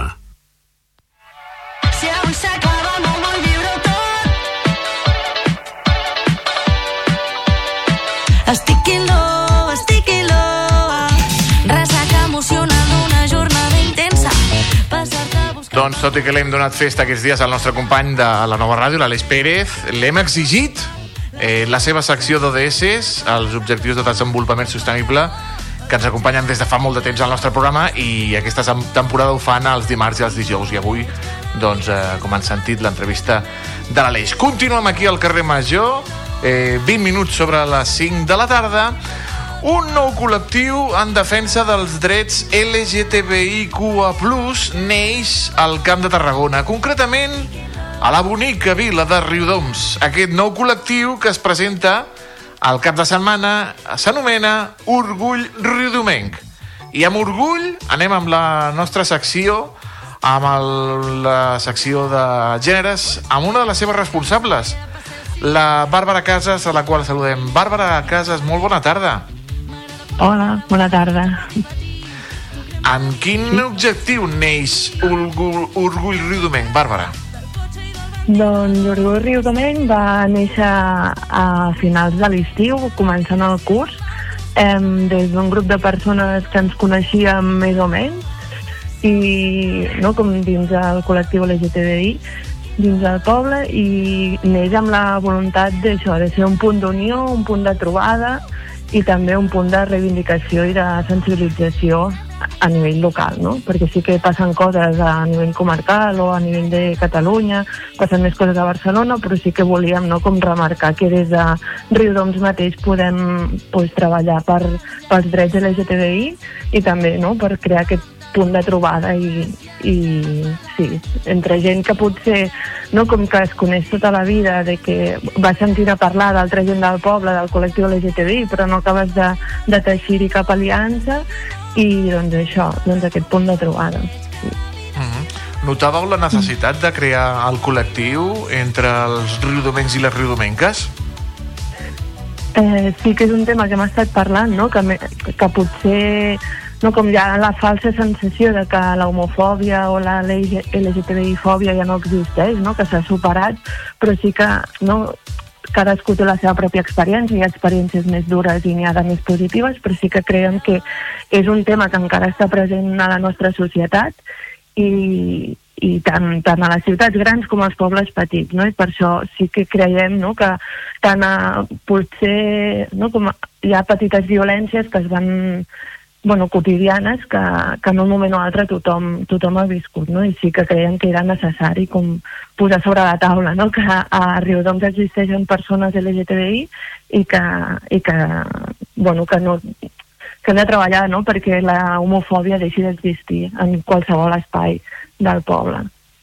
Uh -huh. com, com han respost, Bàrbara, veïns, veïnes, entitats i l'Ajuntament de, de Riudoms? Com han respost? Doncs de moment, bueno, de moment no, sí, sí que hem fet públic, no?, a l'Instagram que existim, hem fet públic a, a l'Ajuntament que això, però la presentació pública, no?, i la i l'ocupar l'espai públic com a Orgull de Domenc serà aquest dissabte i llavors veurem com, com responen les veïnes, però de moment no, doncs des de l'Ajuntament sí que ens han donat bastant bueno, suport no, i ens han animat a, a, a que féssim la presentació el, el dissabte i ens han no, estès la mà en aquest sentit. I d'entitats del poble, per exemple, doncs col·laborarem bueno, hem convidat, per exemple, a l'esplai Riu Domenc a que faci activitats, alguna activitat infantil el dissabte. I també, no, com estem, al final som gent les que formem part del col·lectiu Orgull Riu Domenc estem ficades en altres, en altres entitats no? I, i és des d'aquest treball en xarxa que també no, com aconseguim el suport i col·laborem estretament del Casal Popular La Calderera que és qui ens dona el màxim suport no? en, en qualsevol cosa, ja sigui material com, com polític, i, i llavors està per veure com, com reaccionarà la resta. Mm. És important, no?, crear aquesta xarxa, aquestes sinergies Sí. entre les entitats del poble i el col·lectiu Orgull Riudomenc, no? Sí, exacte. I és un dels nostres objectius, no? que al final nosaltres per, si, nosaltres mateixes no, no aconseguirem canvis si no ho fem de la mà de, de qui ja està en marxa, no? I, i que Riudoms hi ha molt teixit associatiu i molta gent que li agrada fer moltes coses, llavors s'ha d'aprofitar. I el que sí que hem rebut molt de suport també són d'altres col·lectius LGTBI del Camp de Tarragona i, i aquí no, com contem amb el suport d'Actors O i ja ens han dit altres col·lectius oh, que vindrem el dissabte i, i estem encantades de poder teixir també aquestes aliances. Riudoms ha crescut en els últims anys, ha canviat molt en, en els últims 15-20 anys. També la percepció de gèneres al poble també ha canviat? Això sí, sí que, sí, per exemple, no, la, fa, a veure, ara no sé si et diré els anys exactes, però sí que, per exemple, abans sí, sí que hi ha hagut moviment no, de moltes coses, però, per exemple, hi ha el col·lectiu de dones d'aigua, que és el col·lectiu feminista, eh, doncs va néixer això fa uns 4 anys, 4 o 5 anys, eh, sí que arrel del Covid, doncs, es, com tot, no, es va aturar una mica, però sí que l'existència d'aquests col·lectius i, de, i que des del propi Ajuntament, no, que també s'ha insti institucionalitzat en certa part no, aquestes reivindicacions de gèneres, doncs també no, com ha canviat bastant en el, però tot i així sempre hi ha feina a fer, no? perquè qui està sensibilitzat és una petita part de la població sempre i, i sempre cal treballar per això. Uh -huh. eh, Riudoms és un poble petit, abans has parlat de- d'altres col·lectius, de- d'altres ciutats. Hi ha més dificultats en un poble que en una ciutat eh, per, per tirar endavant, per engegar un col·lectiu LGTBI? Mm, no sé si hi ha més dificultats, segur que és diferent, no? Perquè i, i bueno, des del de, col·lectiu d'Orgull Riudomenc, dins d'aquest col·lectiu hi ha persones que són de Riudoms de tota la vida i hi ha persones que són d'aquestes noves incorporacions no, al poble i llavors sí que bueno, a vegades ho, ho discutim, no? si és una cosa eh, només de Riudoms, el que està passant aquí o no, però mm, al final és, és no, com potser s'ha trigat tant en fer-se perquè aquest col·lectiu hauria pogut existir abans però no s'ha fet i és, no és perquè no hi hagués necessitat no? és potser per aquesta por al que diran o, o no? com de d'estar més exposat a nivell públic però bueno, al final és, és trobar-nos i, i fer-ho no? perquè sí, vull dir que no, no està sent difícil de moment Sí, això. Eh, llegíem l'altre dia les agressions que s'han patit eh, al col·lectiu al, al Camp de Tarragona. Eh, Mm. També patiu agressions eh, al col·lectiu a, a un poble com Riudoms? Clar, de moment, o sigui, com he dit abans, no? sí que cadascú té les seves pròpies experiències de més o menys violència, tothom hem, patit, hem patit violència, però no, no, expli no directa, no? De, de patir una agressió pel carrer, o això són coses que o de moment no s'han fet visibles o, o bueno, visibles, no? que al final que augmentin el número de denúncies no vol dir que augmentin el número d'agressions, sinó que la gent és més conscient que això és una agressió i que es denuncien més. No? Llavors, no sé, si a partir d'aquí comencem... També era la, el nostre dubte, no? si, si, ostres, si ho fem més explícit, si existeix orgull riudomenc, la gent potser s'atreveix més no? a parlar d'aquestes coses i a identificar certes violències com a violències que són i no com a ah, són coses que s'han fet tota la vida així, no? En què consistirà la festa de presentació d'Orgull Riudomenc aquest dissabte, que a més a més està també dins de les festes de Sant Sebastià? Sí, volíem aprofitar precisament no, un, un marc festiu de, de Riudoms on la gent pues, rep un programa a casa amb les activitats per poder fer la presentació no? i així doncs, no fer un acte per nosaltres soles sinó posant un context i doncs, la festa i l'acte de presentació consisteix en que a les 11 comencem amb un... Bueno, hi haurà activitats infantils, farem un, un racó del conte em, sí que faran unes activistes del col·lectiu, després bueno, farem una mica d'esmorzar per als infants que s'apropin i també comptem amb l'Esplai Rodomem que farà un, un mural col·laboratiu i després a partir de les 12 no, que ja comencem amb el vermut, tindrem una barra on tothom que vingui pugui, pugui prendre alguna i menjar alguna coseta i llavors farem una... Bueno, llegirem el nostre manifest, no? una mica de discurs de presentació, comptem amb com l'apadrinament de l'Oriol Grau no? com a persona referent també i més visible aquí al territori i, i també comptem amb altres convidades que no hem posat al cartell, no? però que són pues, o associacions o, o persones concretes que ens han dit, ostres, doncs vindrem i esperem que també puguin intervenir d'alguna forma. I després, cap a les 12 i mitja, em, tenim la, la performance transformista de Jessica Pulla, que és una eh, drag, em, no? una, una una artista que, que és de Valls i que estem molt contentes de que pugui venir a fer aquest, aquest espectacle i, i amb això ja no, acabaríem el vermut i ja està és un acte d'unes tres horetes i, i res i això amb un toc més festiu que no que cap altra cosa mm. I un cop acabada la festa, posar-se a treballar. Quins seran els següents passos Exacte. del col·lectiu Riudomenc, d'Orgull Riudomenc?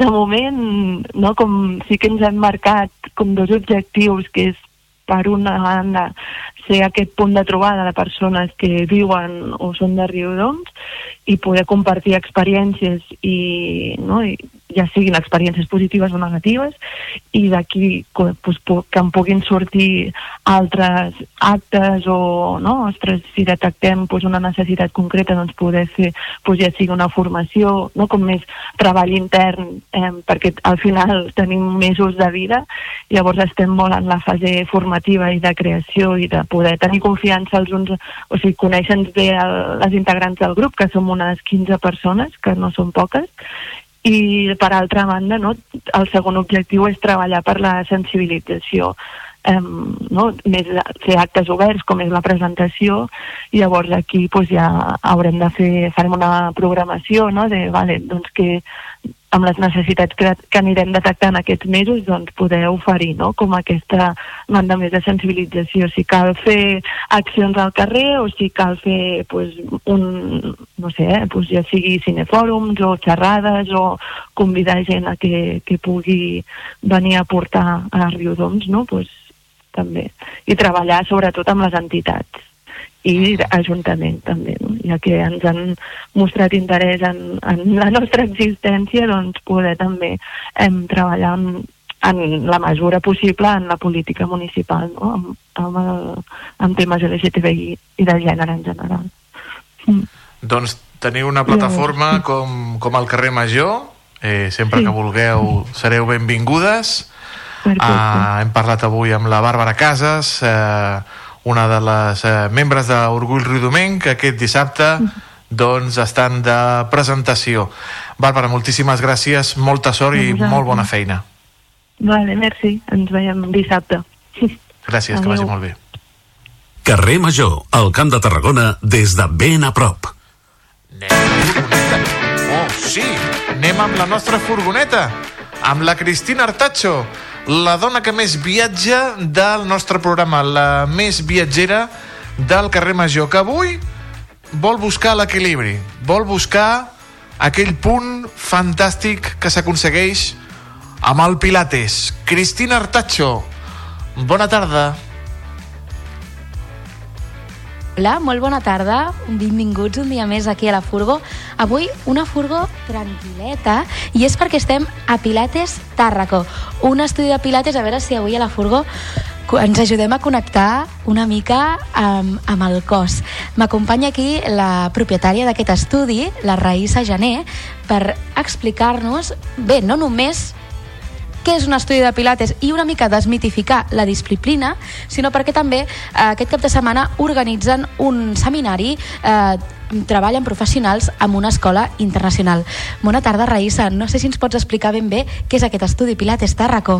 Bona tarda. Doncs és un estudi especialitzat en l'autèntic mètode Pilates.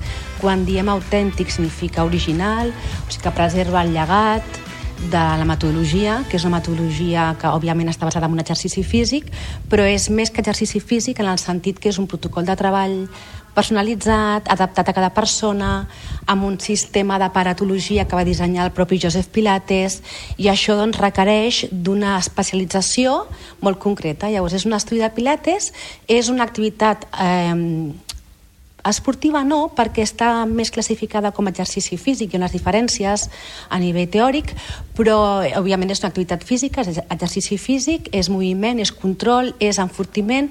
Està bé que, que diguis que és un espai tranquil i això és el que volem, doncs que la gent se senti tranquil·la, però el Pilates és un exercici físic que potser també és actiu, és dinàmic i una mica el primer mite que s'ha de desmitificar és que és un, una cosa zen, que ho pot ser si la persona ho necessita, però el Pilates és un treball de força, de control, d'entrenament personal intens i per tant és, és el primer mite que hem de, que hem de desmuntar. Potser un dels altres mites, no sé si estaràs d'acord, és que cal ser professional i cal formar-se per impartir una classe de pilates. No sé si en aquest sentit aquest seminari internacional dedicat a professionals està eh, íntimament relacionat amb això. Sí, el que hi ha és una mancança de professionalització, justament, eh? i això és un tema que té a veure més amb, amb, amb el recorregut històric de les diferents escoles i les diferents línies de treball, però per resumir molt, ens manca una, una qualificació professional que el, que el professional, que nosaltres diem que és professor, no monitor, no per, mm, és una diferència amb el concepte. Un professor ensenya, per tant estem més, uh, més al costat de l'educació física que de l'entreteniment. Per tant, això requereix d'una formació qualificada en el sentit, doncs, com un certificat de professionalitat, etc que ara encara no existeix, i doncs el que ha passat amb el Pilates és que hi ha múltiples versions. Llavors, dintre de les metodologies que, que preservem la cosa més tradicional, doncs hi ha una, una diversificació que impedeix doncs, els que els, els, les persones interessades en ser professionals tampoc troben potser uns programes suficientment rigorosos i de qualitat. I en aquest sentit doncs, nosaltres a, a Romanes Pilates International que es diu Romanes perquè la Romana Krisanovska és deixeble directa de Joseph Pilates estem parlant de Joseph Pilates és una persona que va néixer a final del segle XIX el mètode es comença a desenvolupar per dir-ho molt resumit a, no, a, a Nova York al principi del segle XX. La romana està en aquest context, però ja és morta des de fa uns 10 anys. Vull dir això que so, eh, som una mica una línia que el que fa és continuar aquest llegat i això té un valor avui en dia, perquè sembla que amb, amb tota la modernitat entesa com la digitalització, l'online i no sé què, sembla que les coses tradicionals tinguin poc valor. No? Llavors, en aquest sentit, reivindiquem el valor doncs d'aquesta metodologia pels beneficis i, i objectius i, i propòsits doncs, que inclou o conté. No, abans la Raïssa i jo parlàvem i comentàvem que aquesta escola internacional romanes és una mica la universitat del Pilates, no? perquè es dedica doncs, a formar tots aquells futurs professors de Pilates. No sé si ben bé ens podries explicar com funcionarà aquest seminari aquí a Tarragona i detallar-nos si és la primera vegada que la ciutat acull un, una formació d'aquestes característiques. Sí, és la primera vegada que a Tarragona i en aquest estudi eh, acollim aquesta, aquest esdeveniment. Eh, llavors, els seminaris de Romanes Pilates són, eh, diguéssim, una part del contingut en el programa de formació, que és un programa que té una durada com d'un any. Llavors, doncs, ara, que és una nova etapa en el, en el sentit organitzatiu, som una comunitat a Catalunya i a Espanya de professors certificats i coordinadors d'aquesta formació. Llavors, eh, doncs, els, el programa de treball es fa en un centre en concret, que són un seminari intensiu, on, diguéssim, es donen tots els continguts teòrics, pràctics, etc. i després els estudiants han, poden eh, fer les seves observacions i pràctiques, que són moltes hores, en total són unes 700 hores, que això també difereix com de moltes formacions que en un cap de setmana donen un títol de pilates, això és nefast. Uh, llavors, el que et volia dir és això, doncs que els estudiants que no, que no cal que visquin a Tarragona. A Tarragona es fa aquesta, aquest primer, aquesta primera aproximació. Som més de 35 persones que estarem aquí, gent de Portugal, gent d'Itàlia, gent d'aquí de, del país, professors que, que estan vinculats a la comunitat però que estan fora d'aquí. Per tant, és un esdeveniment internacional literalment. Llavors té el, seu, té el seu valor perquè a Tarragona doncs, això no s'ha fet mai i no s'ha fet mai amb aquesta línia d'escola tan, tan particular. Ja m'has anat comentant algun dels mites que estan al voltant de tot aquest món dels pilates i tot el sector, però ara has comentat una cosa que m'ha interessat molt, que és el fet no, de que potser en cursos d'un cap de setmana la gent ja té títols de, de pilates. Com afecta això, si afecta negativament a tota la gent que us dediqueu totalment professional eh, en aquest sector? Sí, això des de l'Associació de Professionals del Pilates de Catalunya, que, que des d'aquí faig una crida als professionals de Pilates a que es facin socis, i formo part de la Junta, doncs, eh, bueno, sóc la presidenta, però això no té un valor, eh, és, és a dir, perquè algú havia de ser, però els, els de la Junta fem les funcions tots alhora, vull dir que no vull otorgar-me un, un, un càrrec perquè sí, però bueno, és veritat, és la, és la posició que ocupo és aquesta, no? Doncs aquesta associació és molt eclèctica i molt heterogènia i respon a, a, a, a diferents línies de treball. De fet, Romanes Pilates som la minoria en aquesta associació. Per tant, el que estem intentant és consensuar uns mínims a nivell formatius. Però clar, això, eh, aquesta, diguéssim, aprofitament en el mercat eh, com de productes formatius ràpid, instantanis i, i molt banals, molt banals, respon a un buit legal i a una manca de regulació. Per tant, i això és el que, amb el que s'està treballant, és a dir, amb, una, amb, amb definir una categoria professional eh, en el tema del Pilates i, amb, amb, i això està en marxa ja des de l'INQUAL, que és l'Institut Nacional de Qualificació Professionals, s'ha redactat un, una, unes bases, un programa de formació base, i això serà una mica el que s'ha recollit amb diferents sensibilitats i línies de treball, i el denominador mm, una mica... O, o, les bases comunes seria el mètode Pilates és un treball que inclou sí o sí aparells per la seva execució. I el MAT, que és el, el matalàs, la màrfaga, que és el més conegut, forma part del sistema i també forma part d'un aparell, un- un- una eina de treball. Vull dir que si no es concep el Pilates, si no es defineix la qualificació professional en base a això, no tenim Pilates. El Pilates no és un treball només de pilotes i elements varis que són vinguts com de la tradició més fitness, més, més de rehabilitació fisioterapèutica, ho dic amb tot el respecte, eh, això, el que passa que el Pilates és, és més que això. Per tant, ara es tracta de que unifiquem sensibilitats i, defi i es defineixi... es- Està definit, està aprovat el programa i ara cal implementar-lo i això és política eh, i, administra i, i cosa administrativa, eh, perquè això formarà part d'un sistema d'avaluació en l'acreditat, que és un, una competència de, de habilitats professionals i una, i una certificat de professionalitat. Això és el que ens, ens, una mica ens igualarà a tots els professionals més enllà de les diferents línies de treball i escoles, que jo en defenso una concreta, però com a professional al sector el que també vull és que hi hagi un reconeixement i un prestigi de la, de la, aquest ofici, perquè és un ofici també. És a dir, que potser una mica la lluita que teniu ara al sector i amb aquesta associació és la professionalització de doncs, tots els professionals i que doncs, anar trencant una mica tots aquests mites que envolten el Pilates que potser estan generats per aquesta moda sobtada que, no, que de sobte tots volem anar a fer classes de pilates, tots pensem que fer pilates és fàcil i anem a només a fer zen i tranquil·litzar-nos. Sí, sí, ho has dit molt bé, és, és, tal qual això. Um, sí, és important, per l'associació és important una unificació de criteris.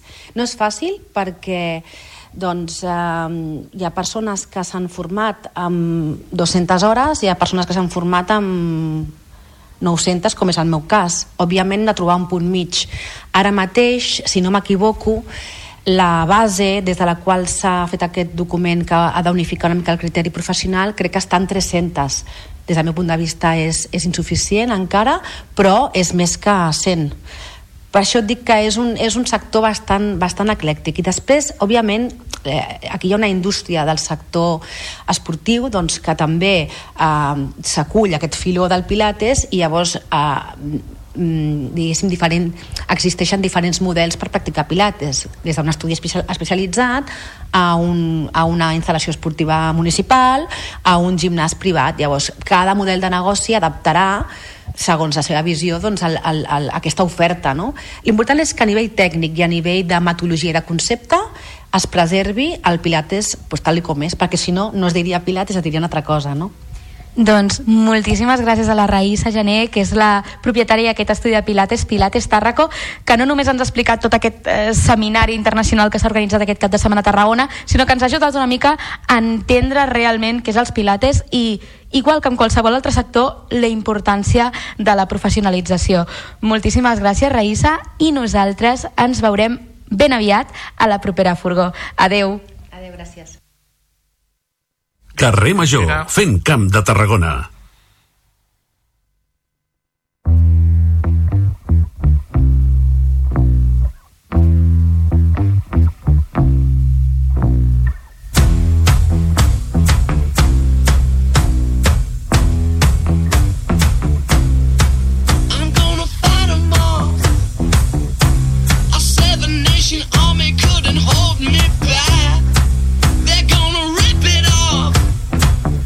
Continuem aquí al carrer Major després de la furgoneta de la nostra companyada, la Cristina Artacho, i parlem de l'atleta reusenc Abdesamat Oukelfen, que va batre el diumenge passat el rècord d'Espanya de 10 quilòmetres, finalitzant amb un temps de 27 minuts 44 segons a la cursa 10 quilòmetres València i Bercaja i pulveritzant en 4 segons l'anterior marca de fa més de 5 anys enfocat en l'entrenament i en aconseguir la marca que li permeti anar als propers Jocs Olímpics de París aquest estiu, avui l'enganxem per telèfon al carrer Major per parlar una estona amb ell. Abdesamat, bona tarda i felicitats. Moltes gràcies, res, molt bé. Aquí estem per Reus, disfrutant una mica de la família i aprofitant per entrenar per, per la meva ciutat. Abdesamat, què li diries al petit Abdesamat de fa uns quants anys, perquè encara ets molt jove, però de fa uns quants anys, quan començava a fer atletisme? Què li diries si poguessis viatjar en el temps? Hòstia, que és una pregunta molt, molt important, crec jo, eh? Però, bueno, jo crec que li diria que, que, bueno, que, que treballi, que segueixi treballant com està fent com ha fet du- durant la, eh, pues, quan era petit i, i, a, i en aquella mentalitat que, que jo crec que va tindre una, bona mentalitat en, en seguir pues, progressant any per any i, bueno, i que segueixi endavant. Nou rècord d'Espanya, 27-44, eh, que feia molt de temps que no es batia aquest rècord. Content o amb ganes de més, Abdesamat? Bueno, sempre tenim ganes de més, no? Però bueno, jo ara mateix estic molt content. És un rècord d'Espanya, no tots els dies es fa un rècord.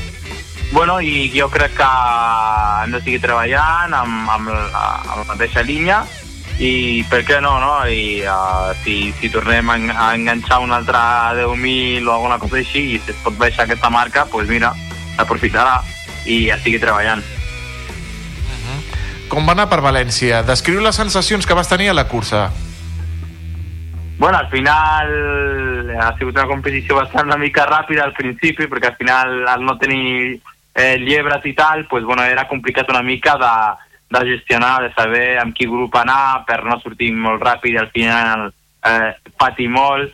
Però bueno, he fet una cursa, el que podíem dir, pues, bueno, una mica precipitada, sortint molt al davant i, bueno, i, i al final de patir més, eh, parlar una mica amb el meu entrenador, pues, eh, pues, el que et dic, no? em va dir, bueno, és que de vegades aquestes curses, si surt lent, al final acabes corrent, i si surts molt ràpid, molt ràpid i perds un segon, però acabes fent un rècord d'Espanya, pues molt bé.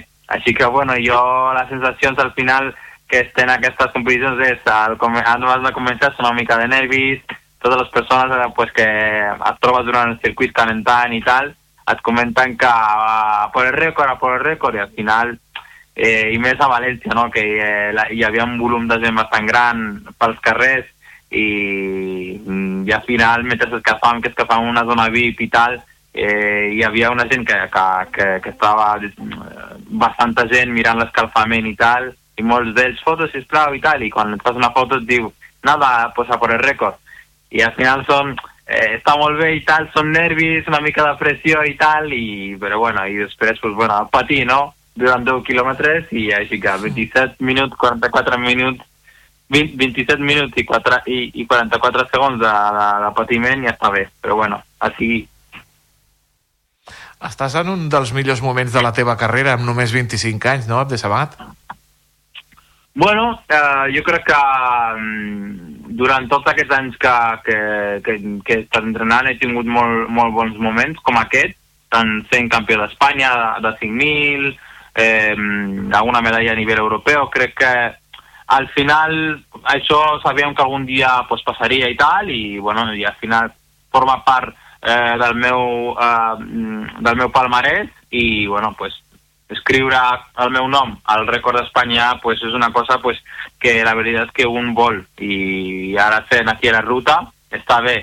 Que bueno, i no estaria malament tampoc fer-ho a la pista, així que bueno, a poc a poc Uh -huh. I també escriure el nom de Reus i del Camp de Tarragona amb aquest rècord. Eh, el cross és el teu terreny actual, Abdesamat? Et sents molt a gust en el cross? Prefereixes més eh, eh, el que és asfalt? Com, com, com estàs més a gust? Bueno, és, la prim, és el primer cop que hem preparat una mica com durant unes tres setmanes la ruta. És a dir, jo mai havia preparat la ruta amb la meva eh, anterior entrenadora, Maria Carbó, d'aquí de Vilafranca. Eh, sí que havíem fet algun 10.000, però sense tenir en compte que 10.000, sinó amb la preparació del cross. I al final me'n passo des del setembre fins a finals de gener fent quasi tot cross i alguna ruta i tal, eh, i després passo a lo que és la pista, que és el que, diguem-la, tot de partir de finals de gener, ja fem la, comencem la preparació de cara a l'estiu, que seria com el gros de la temporada, però sí que durant tots aquests mesos fas molt de cross, molt de treball de volum, i, i aquest any pues, pues tenia ganes de córrer una bona cursa de, de ruta. I mira, eh, va ser València per, per, per, per dates, eh, ens va anar molt bé perquè era a meitats de gener i el meu estat de forma era bastant bo i que a més després es podia aguantar fins al Campionat d'Espanya, doncs pues mira, eh, super, eh, una més i ja sigui treballant. Uh -huh. Eh, parlaves d'entrenaments i de la teva entrenadora i de... Com és el teu dia a dia? Com són els teus entrenaments? En quina hora t'aixeques? Eh, per on corres? Què menges? Eh, què veus? Què fas en el, temps, en el teu temps de lleure, Abdesamat? Abans, quan estava aquí a... Bueno, quan vivia aquí a Reus, més, més, més sovint i tal, pues la, la rutina era bastant, bastant eh, fàcil, no? Al final jo visc aquí, que sé, a les afores de... Els meus pares viuen aquí a les afores de Reus, al costat de l'Hospital Sant Joan. Quasi tots els dies era, si sortia des de casa, era cap, mm, cap a la fira eh, i cap a Brasília, cap a l'aeroport... Bueno, totes aquestes zones més o menys me les conec ja de tant córrer per allà i de vegades no necessito ni anar amb crono, ja ho tinc ja medit mentalment. Però sí que ara, pues, que porto des de setembre a fincat allà a Sòria, amb el, el, el centre de, de, de tecnificació de, de Sòria, um, el CAET, pues bueno, allà pues, és una mica bastant diferent, no? Al final allà hi ha un grup d'entrenament, tenim una hora estipulada que és normalment sobre les 10, 10 i mitja estar a, a, al, al lloc de trobada, t'aixeques sobre les 8 i mitja, més o menys, depèn del dia, si un dia estàs més cansat o menys, alguns cops si estàs des de les 8 eh, aixecat, esmorzes, fi- et prepares i ja surts cap, cap a la zona de- d'entrenament i al final és la rutina, tornes, fas el menjar i bueno, després fas un ratet si, pots, si tens ganes de dormir, pues, eh, un mitja horeta, una hora de, de son, tornes a menjar una cosa, si, si tens gana, i a, i a fer la segona sessió d'entrenament. I al final són dues hores al matí, dues hores a la tarda, i alguns dies pues, sí que estàs algo més cansat i la sessió de la tarda pues, la, intentes ficar-la lo més i normalment quan es comences a les 5, a les 5 en punt, pues mira, dius, va, a veure si podem quedar 5, 5 i 10. Són 10 minuts que al final te dius, bueno, eh, més que surts de casa i tal, pues, mm, i pots dormir més també aquella tarda perquè estàs més cansat. Però bueno, estic molt content, al final allà a Sòria és un nivell més, més, més, mm, més alt, uh, hi ha molts nois uh, del meu nivell, diguem-ne, i això és bo, perquè al final tenim la mateixa vida, encara que vivim cada un al seu, a al seu pis i tal, eh, tenim la mateixa vida, el mateix horari, i al final ten, tots tenim el mateix eh, pensament, no? O això jo crec, no? Al final tots venim per entrenar i esforçar-nos al màxim, i de cada entrenament, pues, si podem disfrutar una mica, se disfruta. I el teu objectiu de setmana és París 2024, 5.000 metres. Eh, creus que aconseguiràs la marca per anar als Jocs Olímpics? Bueno, ara mateix, eh, com l'altre dia també em va preguntar de, del corredor, eh, inclús de la bolsa del corredor, eh, Al, Alberto i, i Alfredo, pues mira, al final jo crec que estic en un moment pues, que allà a Sòria pues, mm, ja quasi com aquell que diu, no? Es- m'es- m'estic adaptant molt, molt ràpidament, tant a la zona, eh, i a la nova vida i als entrenaments que són molt diferents als que feia amb Maria Carbó. Al final amb, amb, amb Enrique Pasqual, pues, eh, tot és diferent, no? Al final estàs fent un altre tipus d'entrenament i jo l'únic que vull, eh, que vull és que durant aquests, eh, aquests mesos pues, aprofitar al màxim, entrenar molt i, i que Déu m'ajudi en tot el que pugui. I tant, i tant. I estarem ben atents des del carrer Major a la teva evolució i a aquests Jocs Olímpics que tens a l'objectiu. Abdesamato Ukelfen, moltíssimes gràcies per acompanyar-nos aquesta tarda aquí al carrer Major, la, el programa de les 8 emissores del Camp de Tarragona. Una abraçada i tapa't, que a Sòria deu fer un fred no vegis. Sí, sí, sí, sí, moltíssimes gràcies a vosaltres i res, espero que d'aquí poc fer l'en- l'entrevista prèvia cap als Jocs Olímpics de París. Una abraçada molt Perfecte. forta. Aquí, una abraçada, que vagi molt bé. Adeu.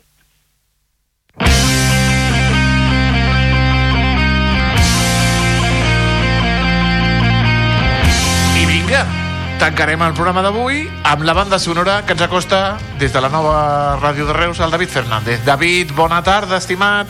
Hola Toni, molt bona tarda. Avui ja veus que ens hem posat contundents per recuperar la música d'una formació que fa molts anys que no actua sobre els escenaris però que ara han decidit tornar. Estem parlant dels Toracines, una formació de punk de Reus que a principis dels 2000 s'estrenaven discogràficament parlant, que també durant aquella època van guanyar el concurs de música jove de Reus i que el 2004 s'acomiadaven amb el seu segon disc, aquest que estem escoltant, que es diu Me Gusta Duro, i on hi havia cançons com aquesta, anomenada Machos. Els Toracines és una banda que ràpidament es va obrir camí dins del terreny del punk, no només a casa nostra, sinó arreu de l'estat espanyol. I la prova d'això és que el retorn el van fer el passat mes de desembre en una sala de Bilbao que van omplir de gom a gom amb gent que cantava i corejava les seves cançons. Ara els Toracines tenim la sort de poder-los veure de nou sobre els escenaris també al Camp de Tarragona perquè han anunciat un concert pel pròxim 27 de gener a la Sala Zero de Tarragona. Aquest concert servirà també per presentar una reedició del seu primer disc de l'any 2001, Uh, llavors el disc el va editar en CD a Che Records, que ara el publica en format vinil. Avui, doncs, una formació històrica del Camp de Tarragona com són els Toracines és la banda sonora del dia del carrer Major. Fantàstic, Toracines, 27 de gener a la Sala Cero. M'ho apunto. Nosaltres tornem demà aquí al carrer Major. Eh, salut i molt de punk. Que vagi molt bé. Fins demà.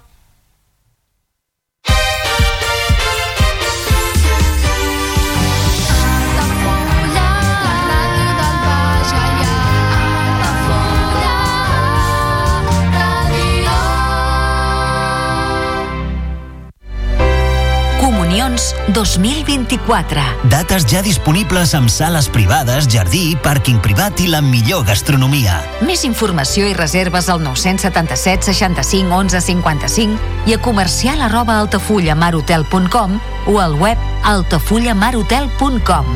Les teves celebracions familiars a l'Altafulla Mar Hotel. Ja coneixes les propostes que t'ofereix el Club Marítim Altafulla? Vine i descobreix totes les nostres activitats. Sortides en caia, copà del surf, cursos de vela per a totes les edats. No t'ho perdis. Club Marítim Altafulla. Obert tot l'any i per a tothom. Carrer Major, el programa de les emissores del Camp de Tarragona. Cada dia de 4 a 6 de la tarda, el que passa al Camp de Tarragona t'ho expliquem amb la major redacció d'un programa de territori quilòmetre zero. Periodisme de proximitat, continguts de qualitat, amb Anna Plaza i Toni Mateos. Carrer Major. Al meu país la pluja no sap ploure. Canvi climàtic asseca els rius, posa en risc l'abastament d'aigua i la producció d'aliments. Treballem per fer front a la sequera i garantir l'aigua, però cal l'esforç de tothom. Cada gota compte. La pluja no la controles, l'aixeta sí. Generalitat de Catalunya, sempre endavant.